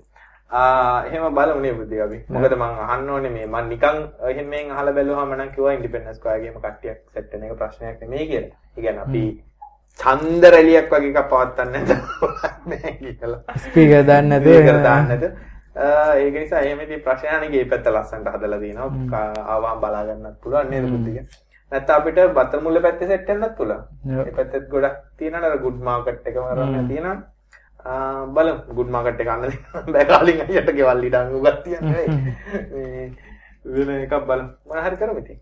ප්‍රශ්න කරමු බුද්ධික. මේ ප්‍රශ්නයක් අහලා තියෙන කාලින්ගේ අර ඇන්ඩරෝයිඩ් 4.4 වලදී මේ අර සිංහල ෆොන්ට් වැඩ කරන්නේ කියලා. ප්‍රශ්නේ ආවා කිව්වනේ කලින්කට 4.4 වල? ඔව් සිංහල වැඩ කරන්නේ මොකක් හරි හොයාගත්තා සොලියුෂන් එක නැහැ මට දැන් ඇත්තට සිංහල වැඩ කරන්නේ නැහැ කියන එක එච්චර ඒක වැරදි කතාවක් ඉතින් ඉස්සර නම් හරියට සිංහල ෆෝන් එකේ පේනවා එච්චර ලොකු ප්‍රශ්නයක් ගලා නැහැ මේක නමුත් අර තියෙන සිංහල ෆොන්ට් එක හදන් තියෙන එක නම් වැඩ කරන්නේ නැහැ. ඒක ඇයි කියලා නම් ඔයාලා බලන්න. ඇත්තටම අවස්ථාවක් ඒක අවස්ථාවනේ වෙලාව හම්බුනේ නැහැ. දැන් ගොඩක් කම්මැලි ඉස්සරට වඩා. ඒක නිසා කියන්නේ මොකක් හරි ප්‍රශ්නයක් නම් තියෙනවා. මොකද කලින් 4.2 එහෙම වැඩ කරපු ඒවා වැඩ කරන්නේ නැහැ 4 වල. මොකක් හරි වෙනස් කරලා තියෙනවද ඒක අපි අර දැකපු එකක් තමයි නේ. මේ ඊටෙල් ෆෝන් වල සිංහල හොඳටම පෙවුණා රෙන්ඩරින් හොඳටම තියෙනවා නිකන් Apple ෆෝන් ෆෝන් එක ගැන රිවිව් එකක් කර මොඩල් එක මතකද පුතිකට මොඩල් එක තමයි මතක නැත්තේ. ආ මොඩල් එක බලන්න බුද්ධික කෝරියොසිටි ඒ ෆෝනේ මොක බුද්ධි බුද්ධිගෙන පාච්චි කර. මට ඉතින් ගැන වැඩිය ඒක තාමන හොඳයි ගාලින් ඒක ඒක අර ඔය කල්පවැත්ම ගැන තමයි ශුව නැත්තේ. හැබැයි වැඩ කරන්න හොඳයි. ටච්ච ගුණත් මාර් රෙස්පොන්සිව් නේද? මේ නම ඇවිල්ල හරිට මොඩල්ල කිවත එම ස්පෙක් එකත් අපි කියමුකෝ. කිසිටි සික්ද වන්දේ සික් තමයි මට මතකිදේට ඒක මේ ඒක අපි ඇස්තරම කිවොත්තේම ඊටල් කිවරට සිට i6 ස්මාර්ට් ෆෝන් එක. ස්පෙසිෆිකේෂන් මතකද බුද්ධිකට බලමට ෆයිටල් රැම් එකක් තිබුණේ. මේ තියන්න ඇන්ඩරෝයිඩ් 4.2 ජෙලිබින් තිබුණේ. ෆෝයින්ච් ඩිස්පලේ එක මේ කොමාරි හොඳයි දැක්කාමනිකන් අර TC වන්න එක වගේ තමයි එක පට්ට වෙන්න. හැබැයි ඒටල් යසිටිය සික් කියල ජාච් කරන කන අපේ ඩොට්ටල්ගේ එක ඒක තමයි උඩට මයිට ටකස්තිගේ බලනට එකම එක වෙන්න. හැබැ ඒක බුද්ධික මේ වෙන සයිට් ඇන්නෑ වගෙන උට අමතර පොඩි නිවසයක් තින මේක ඉතින්. ආපු ආරංචයක් එතිසලාටලා ලබන සතියේ ලබන සති මේ එන සන්දය කියන්නේ දිනේ ඇවිල්ලා කිව්වොත් කවුද වගේද බුද්ධික? අද 24නේ 25 26 27 27 සන්දා පැය දෙකක් ඇතුළත ෆෝන් ಜಾති තුනක් ඔය 140ක් අඩු වෙනවා. 500කට data package එකකුත් එක්ක. අර Curiosity එකේ spec එක කිව්වොත් 4.2 Android HSDPA තියෙනවා. 4GB ROM එකයි 512 RAM එකකුයි තියෙනවා. හොඳටම ඇති ඩබල් කැමර ගැන් ෆ්‍රන්ටන් රිය කැමර දෙකක් තියෙන phones touch screen WiFi GPS ඒටික ඔක්කොම තියෙනවා. 5 මෙගපික්සල් කැමර එකක් තියෙනවා ෆ්ලෑෂ් එකත් එක සිම්ස් දෙකක් දාන්න පුළුවන්. නෝම සයිස් සිම් නේද පුතේ? කපන්න කරන්න දෙයක් නෑ. ඔව්. MMC සපෝට් කරන 32 GB එකක කාඩ් එකක් ගහ ගන්න පුළුවන්. voice assistant එක G sensor එකක් තියෙනවා. මිල කිව්ව 15900යි සිංහල පේනවා හොඳට. සිංහල හොඳට පේනවා. මුකුත් කරන්න නැතුව ඒ ගාන හැටින්න වටනවා කියලා තමයි මම කියන්නේ. ටටස්.lk එකට ගියොත් තියෙනවා. ස්පොන්සර් එකේ නෙමෙයි. ඒගොල්ලෝ ඩිලිවර් කරනවා ගාන එක තමයි වරන්ටි එකත් එක්ක. රයිට් chat එකේ link එකකුත් දැම්මා. ඊළඟ ප්‍රශ්නයකට යනවාද? ප්‍රශ්න ටිකක් හොයාගන්න ඕන. සමහර ඒවා ගෲප් එකේ එහෙම කතා කරලා උත්තර දීපුවත් තියෙන ගොඩක් ඔව් දැන් ටෙක් කතා ගෲප් එකේ 20000ක් ඉන්නවා. මේ Facebook ගෲප් එකේ. දැන් වෙලා තියෙන්නේ මේ ටෙක් කතාවට බුද්ධික නම දාන එක නවත්තන්න. ටෙක් කතා ගෲප් එකෙන් දැන් මට මේ අර ටෙක් කතා දැන් පේජ් එක හරි බෝරින් ලෙවල් එකට ඇවිල්ලා ඉතින් කවුරුත් ඒක පාවිච්චි කරන්නේ. ඒක අයින් කළා අපිට ගෲප් එකට ජොයින් කරන්න බැරිද දන්නේ නැහැ. එහෙම දෙයක් කරන්න. ඒක තමයි ඊළඟ ප්‍රශ්නේ. ගොඩක් අය මේ මේ දවස්වල මේ ගොඩක්ම මේ හම්බ වෙන සහ යාළුවෝ ගොඩක් අය කතා කරනකොට කියපු දෙයක් තමයි මේ අනිත් ගෲප් එක බලන ටෙක් කතා හොඳයි කියලා. හ්ම්. මොකද මේ ටෙක් කතා ගෲප් විශේෂයෙන් Google group එකේ හැම කියලා ඒ කියන්නේ ඉන්න කට්ටිය උදව් කරනවා hina වෙන්නේ නැහැ කුණහරප කියන්නේ නැහැ අනවශ්‍ය දේවල් දාන්නේ නැහැ කියලා. ඔව් ඉතින් අපි අර මොක්කුද තියන් ඉන්නවා වගේ තියන් ඉන්න ඉන්න දැන් වේවැල් අරගෙන පොළු අරගෙන නෑ ඒක ඇත්තටම මේ එහෙම වෙන එක හොඳයි මොකද අනිත් අයටත් ඒක වෙනසක් දකින්න බුද්ධික. ඒකට වෙන තැන්වල ඉඳලා ටෙක් කතා ගෲප් එකට ආවහම මේ ඒකේ වෙනසක් තියෙනවා. දැන් ඇත්තටම මේ ප්‍රධාන පෙළේ මාධ්‍ය මාධ්‍ය කියන්නේ සමාගම් ගත්තත් ඒවැ බලල්ලු කපුටෝ ඒවයි වැඩක් නැති දේවයි සෙයා කරන එකනේ කරන්නේ ඉතින්. ප්‍රශ්නයකට යනවාද කතාවක් කරන්නේ? ප්‍රශ්නයකට යමු ගලින්ග මේ අහලා තියෙනවා මේ Samsung TV වල තියෙන මේ CMR කියන්නේ මොකක්ද කියලා. ඒක මේ මම ඔය පොඩ්ඩක් බැලුවා ඒකේ නම තමයි මතක නැති දිගට කියන නම චුට්ටක් සර්ච් එකක් දාලා බලමුද? CMR කියන්නේ ඒක ඒක ඇත්තට වෙන්නේ මේ මේ වගේ දෙයක්. ඔය LCD පැනල් වල එහෙම මේ තියන මෝෂන් බ්ල කියලා තියෙනවා නේ කියන්නේ මොකක් හරි මූව් වෙන එකක් තියෙනකොට අපි හිතන්නේ අර එක කැමරාවක් කොහොම වේගින් වෙනස් වෙනවා කියලා කෝණය වෙනස් කරලා අල්ලනකොට අර බොඳ වෙලා යනවනේ පින්තූර. අන්න ඒක මේ සැම්සුන් කියලාම දැම්ම නම් ඒක කලින් මම හිතන්නේ. මේ ඒක වළක්ව ගන්න ඔය කරන උපක්‍රමයක් තමයි එකක් ඔය කියන්නේ ඔව් ක්ලියර් මෝෂන් රේට් කියන මම හිතන්නේ Samsung නමක්.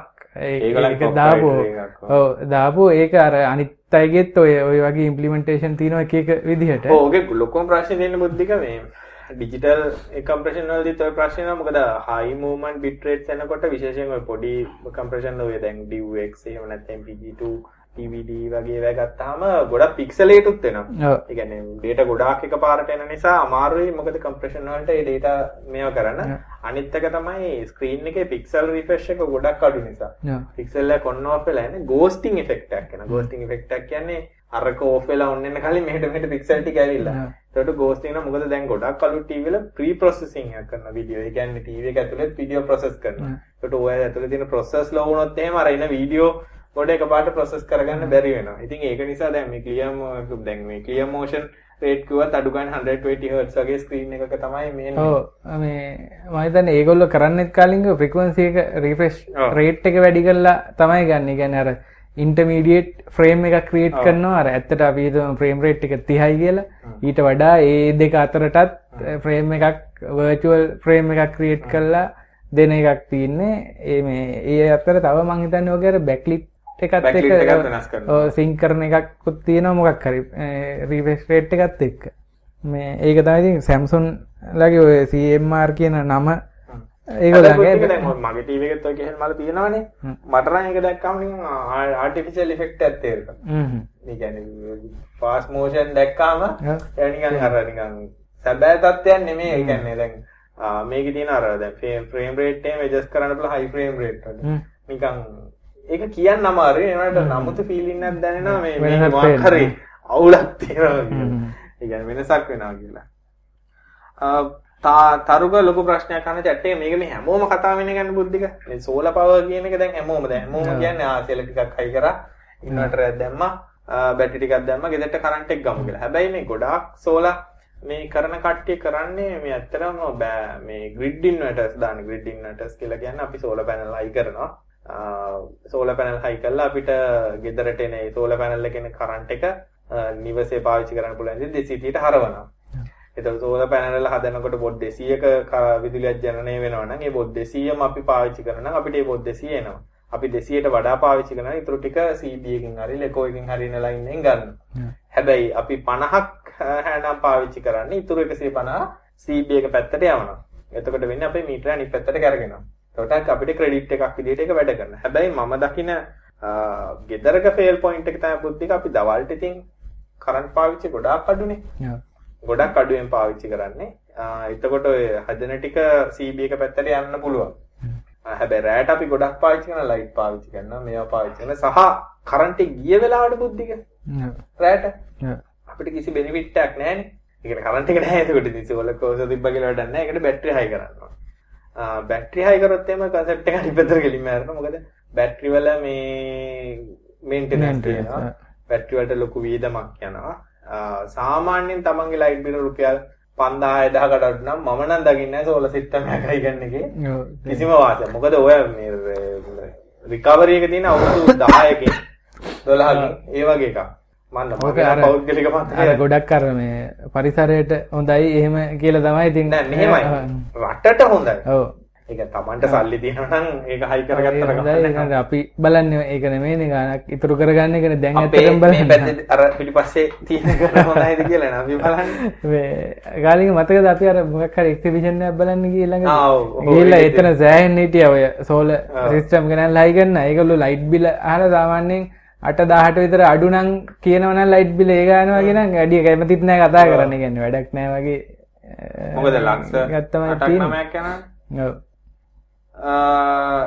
හැබැයි මම දකින කත්තා බුද්ධික මේ කමට කරන්න පුළුවන් ක්‍රම ඇතින මොකද මේ අපි මම ඉස්සර අපේ ගෙදර ඔය දේ කරා.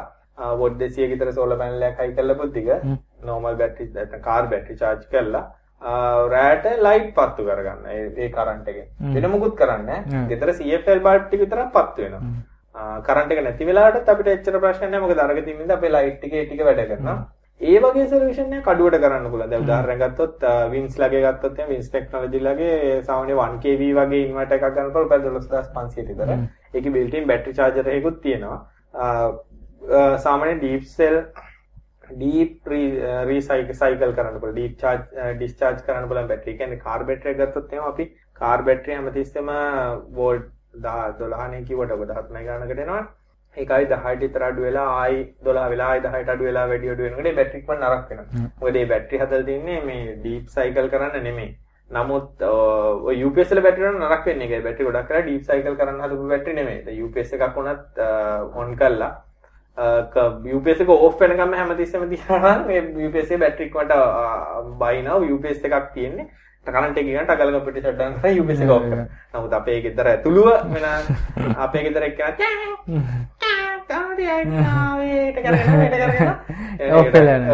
මාස බැටරි නරක වෙනවා. ඉතින් ඩීප් සයිකල් බැටරියක් ගත්තොත් එහම අවුරුදු 10ක් 15ක් වරන්ටි දෙන සාමාන්‍යයෙන් ඇම්පියර් 20 වගේ බැටරියක් බුද්ධික රුපියල් 50000ක් 70000ක් අතර වෙනවා. එතකොට ඇම්පියර් 20 බැටරි එකෙන් අපිට කොච්චර ලයිට් ගන්න පුළුවන්ද කියලා අපි හදලා බලනවා. ඉතින් එතකොට ඉන්වර්ටර් එකේදී ලොස් එකක් වෙනවා. ඒ වගේ දෙයක් කරන්න නම් සාමාන්‍යයෙන් 200 watts solar panel රුපියල් 50000 විතර ගන්න පුළුවන්. ඒ සොලියුෂන් එක ගොඩක් පොඩි ගෙවල් වලට හොඳ වෙයි. තවත් ලයිට් බිල අඩු කරගන්න පුළුවන්. මොකද අර එක කට්ටයක් පැන්නහමනේ ලයිට් බිල ගොඩක් වැඩි. ඒ කට්ටේ පල්ලෙහාට දාගන්න බලන් ගෙදර තියෙන ලයිට් ටිකයි අර බේසික් ටික කවර් කරා. වයරින් එක පොඩ්ඩක් ප්ලෑන් කරලා කරගත්තා නම් මොකද ලයිට් සර්කිට් ටික කඩන්න විතරක් තියෙන බ්‍රේකර්ස් වලින් කරලා හදාගත්තා නම් මම හිතන්නේ ඒ වගේ පොඩි සොලියුෂන් එකකදී ඕක ගොඩක් ඉෆෙක්ටිවේ පොඩි ලයිට් බිලද මේ ලොකුවට සෝල පැනල් ලක්ෂ ගානක් දීලා හයි කළා ඒකෙන්ම ගෙදුවන්න හදනවට වඩා. අර තමන්ගේ හැමතිස්සෙම යන ටික දැන් ෆෑන් වගේ ෆ්‍රිජ් වගේ ඒවා අයන් වතුර වරත් කරනවා ටීවී වගේ ඒවා බලන්න නැතුව. LCD ටීවී ගන්න ඒත් ගොඩ දාගන්න පුළුවන් වගේ පොඩි ටීවී ගන්න. අනිත් ටික කරා සමහරලාට ගොඩක් ඉෆෙක්ට් එකක් කරගන්න පුළුවන්. අපිත් අපේ එක වගේ හිටියන මාත් වගේ එකක් හයි ගන්නවා එනම් ගැවල ඒක සෝල පැනල් දැන් ගොඩක් අඩු වෙලා තියෙනවා. නිසා ඉස්සර ගොඩක් ගණන්නේ. මම හිතන්නේ මේ ඔය බදු අඩු කරලා හරි මොකක් හරි එකක් තියෙනවනේ. මේ ඔය සිස්ටම් වලට. ඔව්. ඕනනම් කියන මේ LED ඕන DC කරන්ට් වලින් කෙලින්මපත් වෙන්න හදන්න පුළුවන් කියලා. අංක එක තමයි LED එළිය නෑ. ඒ කියන්නේ DC වලින් පත් වෙන අනිත් අංක දෙක තමයි DC ගොඩක් දුර අරන් යන ගොඩ ලොකු ලොස් එකක් වෙනවා. ඒ කියන්නේ DC වයර් අදිනකොට. එතකොට වයරින් දෙකක් කරන්න වෙනවා LED වලට DC වයර් වෙනම ඇදලා අනිත් තියෙන බල්බ් මම කියන්නේ එහෙම නෙවෙයි. ගෙදර තියෙන CFL බල්බ් එක තාමත් මම රෙකමෙන්ඩ් කරනවා CFL බල්බ් මොකද රුපියල් 2500ක් දීලා LED බල්බ් එකක් හොඳ එකක් ගන්න එක තේරුමක් නැහැ. තේරුමක් නැහැ කියලා කියන්නේ මේ ලොස් එක කවර් කරන්න අමාරුයි බුද්ධික. මම මම නම් දකින්නේ එහා බුද්ධිගේ ගණන් හදලා බැලුවොත් එහෙම ඒක ෆීසබල් නෑ ඔය පිටකොටුවෙන් කෑලි ගෙනල්ලා හදන කට්ටියයි කෑලි කවලා හදන කට්ටියගේ ලයිට් නම්. ඒ අයි ඉතින් බණී අපිට ඔක බයිනවා කියලා. ඒකත් බැලුවනේ එකක් කියලා ඒකේ එළියෙන් සෑහීමකටපත් වෙන්න පුළුවන් නම් ඉතින් ප්‍රශ්නයක් නැහැ වැඩි දින්නේ ඒ එළිය අඩුයි. ඒ බල්බ්. එක එළිය ફોකස් නේ ටික. ඒ කියන්නේ ඔය ලයිට් ටිකක් මෙහෙම දාලා හයි කරන්නේ එළිය ફોකස් බීමට මෙහෙම හරි ඇංගල් එකකට ලයිට් මෙන් කියවන වගේ තැනකට දාගන්න පොද ගොඩක් ඔය හදන ලයිට් ඉක්මනට නරක් වෙනවා අනිත් එක තමයි එවෙන් ඉන්ටර්ෆියරන්ස් එනවා. ඔක ස්විච් මෝඩ් පවර් සප්ලයි වලින් ටීවී වල ඉරියන්න ගන්නවා, ඒව රේඩියෝ වල සද්ද දෙන්න ගන්නවා. ඒ වගේ ප්‍රශ්න. ඒකට හේතුව තමයි ස්විච් මෝඩ් පවර් සප්ලයි වලදී නෝ ඉලෙක්ට්‍රොමැග්නටික් ඉන්ටර්ෆියරන්ස් ජෙනරේට් වෙනවා. ඒවට ෆිල්ටර්ස් දාලා තියන්න ඕනේ පවර් සප්ලයි එක පැත්තට යන්නේ නැති වෙන්න. එහෙම කරන්නේ අඩු මුදලට හදන නිසා අඩුවට තියෙන නිසා ඕවා කිසි දෙයක් දාන්න ඊළඟට හරියට පවර් ෆැක්ටර් කරෙක්ෂන් ඒ වගේ දේවල් වෙන්නේ නැහැ. ඉතින් එතකොට වොට්ටුන බව ඇත්ත. නමුත් ඒකෙන් Tamanට අවශ්‍ය දේ හරියට සිද්ධ වෙන්නේ නැති එක තමයි තියෙන්නේ. තරිඳු අහනවා මේ පොඩක් හමුකෝ කන්ඩෙන්සර් මයික් එකක් අවශ්‍ය වෙලා තියෙනවා. ගණන් කොහොමද සාමාන්‍යයෙන් හොඳ බ්‍රෑන්ඩ් මොනවද මයික් එකේ අවුට්පුට් එක බෙස්ට් ක්වොලිටි එකකින් කම්පියුටර් ගන්න කොහොමද කියලා කියන්නේ. කන්ඩෙන්සර් මයික් තමයි ඉතින් රෙකෝඩින් වලට තියෙන්නේ. මේ වගේ ඒවා ඉඳලා තියෙන ලක්ෂායාත ඊටත් වැඩිය ඇති 15 20ට තැරිද සාමාන්‍යයෙන් සින්දු කියලා ඒ වගේ රෙකෝඩින් කරනවා නම් අපි හැබැයි හදපු මයික් හොඳයිනේ අපි. සින්දුවක් රෙකෝඩ් කරේ. මම දන්නේ කොහේ හරි වීඩියෝ එකක් දැම්මද මන්ද ඒක නේ? Facebook කරේ. කොහේ හරි දැම්ම. හර්ෂ සින්දුව මම හිතා ප්‍රසිද්ධ නැත්තේ වීඩියෝ ඒ මයික් එක ඇත්තටම Panasonic capsule එක පාවිච්චි කරලා අපි සර්කිට් එකක් හදලා හද මයික් එකක් voice recording වලට හර්ෂත් කර වෙලා හක්කු බිම වැටලා හිටියේ. ආගෙන මොකද්ද? මයික් එකට අතර හොඳයි කියලා නෑ. ඒක ඇත්තටම හොඳයි. මේක හදන්න පුළුවන්. හැදුවොත් එහම කම්පියුටර් එකට ඉන් කරනකොට රෙකෝඩින් වලදී ගන්න බල එක්ස්ටර්නල් සවුන්ඩ් කාඩ්ස් තියෙන XLR ඉන්පුට්ස් තියෙන සවුන්ඩ් කාඩ් තියෙනවා අපි හදපු එකත් XLR ඕනේ. මොකද ඒකට ෆැන්ටම් පවර් දෙන්න ඕනේ XLR වගේ තියෙන ඔය මෝඩියෝ ලගේ වගේ තියෙන සවුන්ඩ් කාඩ්ස් මේ ඇත්තටම මේ මල්ටි චැනල් ඉන්පුට් කරන්න පුළුවන් මොකද යමහා ඒවත් තියෙනවා ඒවත් රුපියල් 5000 2000ක් වගේ ගොඩක් වෙලාවට අර USB audio interface කිව්වට පස්සේ ඒ එකට තමයි. ඒ වගේ එකක් ගන්න වෙනවා. ඒ වගේ එකක් ඉතින් අරන් හයි කරොත් හොඳට වැඩ කරනවා. නැත්තම් කාලින් ගියලා වගේ මේ වගේ ගොන් රුපියල් 150යි. මයික් එකක් අරගෙන ඊට පස්සේ හදපු කන්ඩෙන්සර් මයික් ඩ්‍රයිවර් එකකට දාලා පොඩෙන් පොඩෙන් දින හදපු කන්ඩෙන්සර් මයික් ඩ්‍රයිවර් එකකට දාලා මේ වගේ XLR එකට ඉන්පුට් කරලා මේ අතර මයික් ඩ්‍රයිවර් එක අපේ ෆැන්ටම් පවර් වලින් වැඩ කරන්නේ. ඕකෙන් අපේ මික්සර් එකට අරගෙන ඒ මික්සර් එකෙන් ඔහොම එල්ල මෙතන සවුන්ඩ් කාඩ් එකෙන් මේ වගේ නෝමල් සවුන්ඩ් කාඩ් එකට ඉන්පුට් එකක් දීලා මෙන්න මේ විදිහට රෙකෝඩ් කරන්න පුළුවන් ඩැසිටි වගේ සොෆ්ට්වෙයාර් එකක් දාලා. ඉතින් ඕකේ තියෙන අඩුපාඩු ටික තමයි කොලිටිය එක ඉතින් අපි හදපු මයික් එකේ තරම් නැහැ. ඒකයි අර ගාලින් අර මේ අර පෝල බැටන් එක කියලා තියෙන මයික් එකේ මේ පොයි ශබ්ද ගන්න කොහොමද කියලා මේක බටෙන්ම තියෙන ශබ්ද ටික ගන්නවා. මේ ඒ වගේ ඉතින් අර දැන් එයාගේ වැඩේ මොකද්ද දන්නේ ඕන. මේ ඒක හැටියට ඉතින් ඒ කියන්නේ වොයිස් වලට හොඳ මයික් තියෙනවා ඔය ඉන්ස්ට්‍රුමන්ට් වලට හොඳ මයික් තියෙනවා. මේ ඉන්ස්ට්‍රමන්ට් වලට කිව්වට ඒකෙත් ඔය ස්ට්‍රින්ග්ස් වලට එකක් ඊළඟට බෙර වගේ ඒවට වෙනම රේන්ජ් එකේ තියෙනවා. ඉතින් AKG එහෙම ෂුවර් කියලා එහෙම බ්‍රෑන්ඩ් තියන්නේ. ඒවා තමයි ඉතින් ගොඩක් හොඳ කන්ඩෙන්සර් මයික් කියලා කියන්නේ. හැබැයි තව එකක් තියෙනවා බුද්ධික ඔය කියන්නේ යාට එහෙම USB ම ගන්න Yeti කියලා තියෙනවා මේ මයික් කෙලිම USB මයික්. ඒක පාවිච්චි කරන්න පුළුවන්. හැබැයි ඒක සිංගල් මයික් එකක්. ඒක හොඳම හොඳ ඒ කියන්නේ ගොඩාක් හොඳ මයික් එකක්. ඩොලර් සාමාන්‍ය 200ක් විතර වෙනවා. ඒක හැබැයි Blue Snowball ඒගොල්ලන් ගොඩක් තියෙනවා. මේ මයික්‍රොෆෝන්ස් ඒ මයික් එකක් ඔයක පාවිච්චි කරලා ඒක කෙලිම USB ඉන්පුට් කරන්න පුළුවන්. ඔය පවර් සප්ලයි ගැන කතා කරන බුද්ධික මේ මට පෙන්වන්න ඔය EMI ෆිල්ටරින් ගැන කතා කරලා මම මේ දවස්වල වෙන වැඩක් කර කර ඉන්නේ. පොඩ්ඩක් තියෙනවා. මේ ගත්තොත් එහෙම ඉලෙක්ට්‍රොනික පවර් සප්ලයි එක. දැන් ගොඩක් අයට හිතේ මේ මේ ට්‍රාන්ස්ෆෝමර් මේ පැත්තේ මේ ගොඩාක් ඒවා තියෙන්නේ මේ ඇත්තටම මේ මේ පවර් ඩවුන් කරන්නේ නෑ. මෙතන ඉඳන් කරන්ට් එක ආවහම මේක ඇවිල්ලා පළවෙනි ෆිල්ටර් එක මෙන්න මේ පැත්තේ තියෙන එක.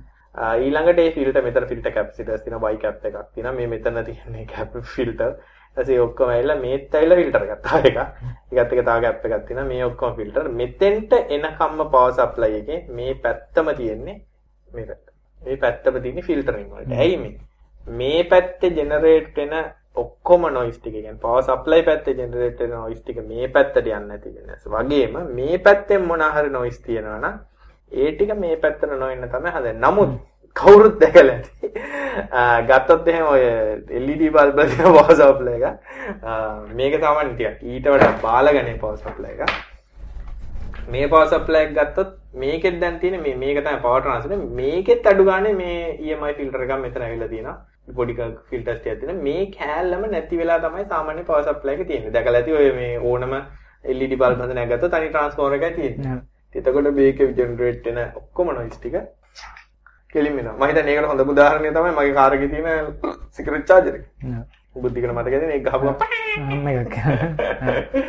ඉතින් ඒක නිසා ඔය ඔය ඉෆිෂන්සි කතා කරාම ඔය වගේ දේවල් තියෙනවා. ඒක ඒක ඇත්තටම දැන් අපි ඔය ඔඩියෝ ඉක්විප්මන්ට් එකක් එහෙම ගත්තාම තමයි ඔය තේරෙන්නේ. අපිට හැබැයි හැබැයි අනිත් ඒවාටත් ඔය ඉන්ටර්ෆියරන්ස් වෙනවා මොකෝ ඒක සර්කිට් වලට හොඳ නෑ.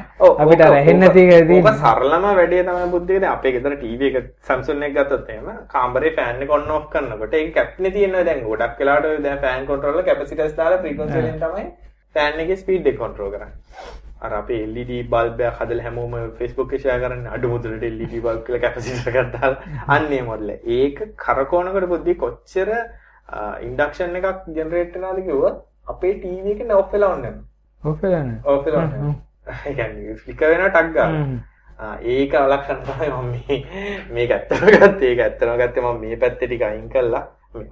මේ පැත්ත ටික අයින් කළා මේ පැත්තේ ෆිල්ටරින් එක නේ ගැන වීඩියෝ එකක් පස්සේ කරන්න මොකද මේ පැත්තෙන් හයි කරාම මේක වෙනස් වෙන හැටි පෙන්වන්නේ මේ ඇත්තටම ඒකට ප්‍රොටෙක්ෂන් වෙන හැටි පෙන්වන්නේ මේ වගේ දෙයක් කරා. ඒ වගේ වෙනවා කට්ටිය නොතේරුණාට. ඒවෙන් තමන්ගේ අනිත් උපකරණ වලටත් හානි වෙන්න තියෙනවා වගේ අර ගුණාත්මක වයින් අඩු දේවල් පාවිච්චි කරාම. ඔව්. දැන් ඒ කියන්නේ ඔය දැන් ඔය සමහර හොඳ මේ මේ හයි ක්වොලිටි මේවල නම් මේ අපි කීබෝඩ් එකක් දැකලා ඇති ඔය ෆිල්ටර්ස් ඒකෙත් එනවා. මොකෝ අනිත් පැත්තේ ඔය වගේ වැඩක් නොකර තිබුණත් අර ඩිවයිස් එක බේරෙන විදියට. හැම එකේම එහෙම නැහැ ඒකින්ද මේ වගේ ඒ කියන්නේ ඔය බාල විදිහට කරපු පවර් සප්ලයි එකක් දැම්මහම හානි වෙන්න තියෙන ඉඩ වැඩි අනිත් නරක වෙන බුද්ධික අඩු මුදල් පවර් සප්ලයි දැම්මම මේක ඒක ෆෝන් එක ගහම ටච් එකක් අවුල් වෙනවා. ටච් එක මේ ඇල්ලුවම වෙන දේවල් එන්නේ ඒක නිසා ඔය ඕ ඉලෙක්ට්‍රොනික දේවල් වල හැම දේ ඕනම දෙයක් වැඩ කරන ලෙවල් එකට හදන්න පුළුවන්. නමුත් ඒක හරිය ආරක්ෂාකාරී විදිහට හරියට දැන් උදාහරණ ගත්තොත් දැන් මේක ගත්තත් මේකෙත් මාර ප්‍රශ්න තියෙනවා. මං ඔය ලොකුවටම බය එකක් තමයි බුද්ධික මේ අර ලයිට්නින් ප්‍රොටෙක්ෂන් කියලා જાතියක් අපි හැයනවා හදනවනේ අය ලංකාවේ. ඒගොල්ලෝ පාවිච්චි කරන බුද්ධික මේ MOV කියන මෙටල් ඔක්සයිඩ් වේරියස් ටෙස්ට් කියන ඒවා.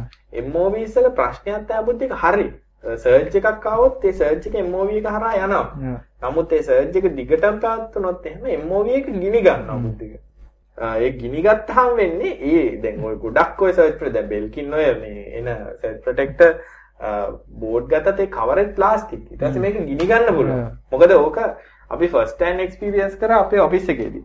ඔෆිස් එකේදී කියන්නේ අපේ එක ෆේස් එකක නියුට්‍රල් එකක් ගැලවිලා 440 ආවා. 414 වෝල්ටේජ් ආවා එක ෆේස් එකකට. ආපු ගමන් එන්නේ අර PS3 ලෝඩ් එක එක එක ෆේස් එකකින් යන්න ගත්තා. යන්න ගත්ත ගමන් උනේ කම්පියුටර් වල දැන් වෝල්ටේජ් ලොකු වැඩි වීමක් නෙමෙයි මේ MOV කිනි ගත්තා. පවර් සප්ලයි ඇතුලේ මෙහෙම දුම් දදා ගිනි ගන්නවා. ඉතින් අර ප්‍රශ්නය එකයි මෝවී වලින් හරි දැන් මෝවියකට කලින් ෆියුස් එකක් වගේ තියෙනවා නම් ප්‍රශ්නයක් නෑ. එතකොට ෆියුස් එක යන මෝවී එක ෂෝට් යන ගොඩක් දැන් මේ වගේ හොඳ නැති පවර් සප්ලයි තමයි ගොඩක් අය මෝවී මම විශේෂයෙන් දැකලා තියෙන ටෙලිෆෝන් සිස්ටම් හයි කරන අය මෝවී ටිකක් නිකන් හයි කරන ප්ලග් එක ඇතුළට. හ්ම්. නිකන් දාලා තියෙනවා. පියුටර් ටෙලිෆෝන් සිස්ටම් හයි කරන කම්පැනියක් අපි බැලුවම එහෙම MOV තුනක් ලයිව් ෆ්‍රේස් නියුට්‍රල් තුනට ස්ටාර් විදිහට හයි කරලා තියෙනවා. ප්‍රශ්නේ තියෙන්නේ හදිසියෙ සර්ච් එකක් ආවොත් එහෙම ඕකත් ගිනි අරගෙන ප්ලග් එකක් ගිනි අරගෙන ප්ලග් බේස් එකත් එක්ක ගිනි යන සමහරලාට ඒවට මොන හරි තිබ්බොත් එහෙම මුළු ගේම ගිනි ගන්න පුළුවන්. ඉතින් ඒ වගේ අර ඉලෙක්ට්‍රොනික උනත් හරියට නොදැන කරාම ලොකු ප්‍රශ්න මතුවෙන්න පුළුවන්. මොකද දැන් ඔය ඔය සයිඩ් ප්‍රොටෙක්ටර්ස් ගැන මම හොයලා බලනකොට මේ ගොඩක් අය ඩිස්කෂන් නැත්නම් මේ MOV පාවිච්චි කරන එක හරියට නොකරොත් ඒ වෙන්න පුළුවන් ඩැමේජස් ගැන. ඒ කියන්නේ අපි හිතනවා අපි ආරක්ෂා වෙයි කියලා සර්ච් ප්‍රොටෙක්ටර් එක හයි කරලා යනවා. නමුත් එතකොට ගිනි අර ගේ ගිනි අර ඒ වගේ ඉන්සිඩන්ට්ස් පවා තියෙනවා. සමනලයගෙන කාලිංග HDMI ඉන්පුට් එක USB හරහා ලැප් එකට ගන්න පුළුවන් අඩුම වියදම ගන්න ගැජට් එකක් තියෙන ගානකට ඕකනම් අමාරු වැඩක්. එකක් තමයි HDMI එක බෑන්ඩ්විඩ්ත් එක USB එකක් කරා ගන්න අමාරුයි. ඒකට ෆයර්වයර් හරි Thunderbolt හරි ඔය වගේ කනෙක්ට් එකක් පාවිච්චි කරන්න. HDMI to USB අරම converters ගොඩක් ගණන් ඒකට හේතුව තමයි HDMI එකේ HDCP කියලා ප්‍රොටෝකෝල් එකක් තියෙනවා high definition content protection කියලා. HDCP එක නිසා ගොඩක් අය දෙන්නේ නැහැ HDMI එක HDCP supported input type විදිහට ගන්න. එතකොට HDMI දැන් ඔය Blackmagic ලගේ capture cards එහෙම තියෙන HDMI ඒවා PCI වලට PCI Express වලට high වෙන්නේ USB මම දැකලා තියෙනවා.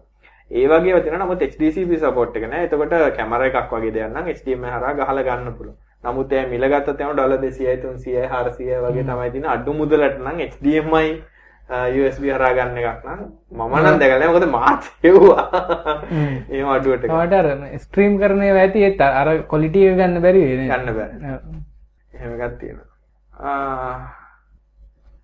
Dexana which is a good mic? Optical or Bluetooth දෙකම අහන්න ඒවා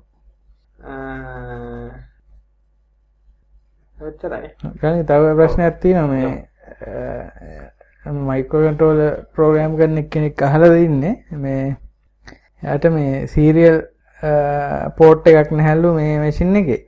USB to serial cable එකත් හොයාගන්න අමාරුයිලු. සීරියල් එකක් හොයාගන්න අමාරු වෙන්නේ කියන්නේ ඔව්. මම හිතන්නේ මේ වැඩ කරන එකක් හොයාගන්න අමාරු වෙන්නේ සමහර විට එහෙම එකක් වෙන්නේ නැතිනේ කොහෙන් දාන හොයාගන්න පුළුවන් රත්නපුරේ කියලා හැබැයි දාලා තියෙන්නේ. එහෙ හොයාගන්න අමාරුයි කියලා තියෙන එක. USBට සීරියල් වන්න. මේකෙන් DTL converters. හැබැයි ප්‍රශ්නේ තියෙන්නේ මෙහෙමයි. USB to serial කියන එක කතා දෙකක් තියෙනවා. true serial port එකක් නම් ඒකේ logic level එක 13 plus minus. අපි කම්පියුටර් එක serial port එකක් කියලා කියන බුද්ධික 13 plus minus තමයි digital signal එක. 13ක් plus 13ක් minus. නමුත් අපි ඔය කේබල් පාවිච්චි කරන ඒවා එහෙම නැත්නම් USB to serial TTL converters වල logic level එක පහයි. 5 5 එතකොට සමහරවිට routers ඒ වගේ ප්‍රෝග්‍රෑම් කරන්න ඕනේ බුද්ධික serial interfaces වලින්. ඔය TTL converters දැම්මොත් වැඩ කරන්නේ නැහැ. ඒ කියන්නේ ඇත්ත අර සිග්නල් ලෙවල් එක ඕනේ වට වැඩ කරන්නේ නැහැ. ඔව්. හැබැයි ඔය මයික්‍රෝ කන්ට්‍රෝලර් වැඩවලට නම් ඕක හරි. ඔව් පොඩ්ඩක් එකේ සර්ච් එකක් දාන්න USB TTL converters කියලා දැම්ම නම් ගත්ත එක. හැබැයි ඉතින් ඒවත් ප්‍රශ්න තියෙනවා අර ගොඩක් වෙලාට එන්නේ TX RX දෙක විතරයි.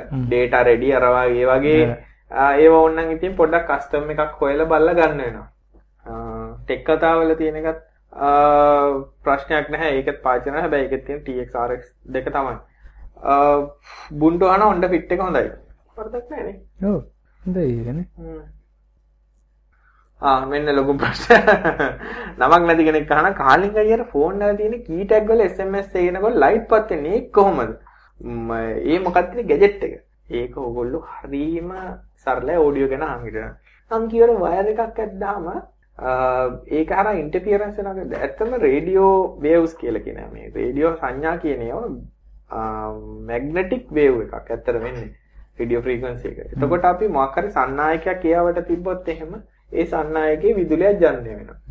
එතකොට තමයි අපි රේඩියෝ හැන්ද උදාහරණයක් ගත්තොත් මම පොඩි කාලේ AM ඕගොල්ලෝ දන්නේ FM එන්න කලින් දැන් ඉන්නේ AM කියන්නේ මොකද්ද කියලා දන්නේ medium wave AM short wave වගේ ඒවට රේඩියෝ අහන්න ඇත්තට අපිට ගොඩක් කැලේ අවශ්‍ය නැහැ. තනි ට්‍රාන්ස්ලේට් දානවා නැත්නම් ට්‍රාන්ස්ලේට් නැතුව ක්‍රිස්ටල් රේඩියෝ කියලා එකක් හදන්නත් පුළුවන්. ඒ කියන්නේ ඉයර්ෆෝන් එකයි ටියුනින් කැපසිටර් එකයි පෝල් ගස් දෙකක් විතර උසට වයර් එකයි ඔන්නේ කරන්ට් එක ඕනේ නැහැ. පොළොවට වයර් එකක් ගහලා රේඩියෝ channel අල්ලගන්න. මේක ඇත්තටම අර වයර් එකේ යන්නේ විදුලියෙන් අපිට ඉයර්ෆෝන් එකක් වැඩ ගන්න විදිහට හදාගන්න පුළුවන්. ඉතින් එතකොට අපි දන්න එතන විදුලියක් යන්නේ වෙනවා කියලා නේද? දැන් ෆෝන් එකක් ඊට වඩා ගොඩක් පවර්ෆුල්. ඇත්තටම මේක මේ කනේ තියාගෙන ඉන්න මල් කඩන්න ගොඩක් හොඳ නැහැ කියන්නේ මේකෙන් රේඩියෝ වේව් එකක් ලොකු රේඩියෝ වේව් එකක් ජෙනරේට් වෙනවා. මයික්‍රෝවේව් විශේෂයෙන්. ඔව් මයික්‍රෝවේව් ෆ්‍රීකවන්සි එක අර මයික්‍රෝවේව් අවන් එක තුල තියෙන ඒ වගේ ඔළුව දාන්න.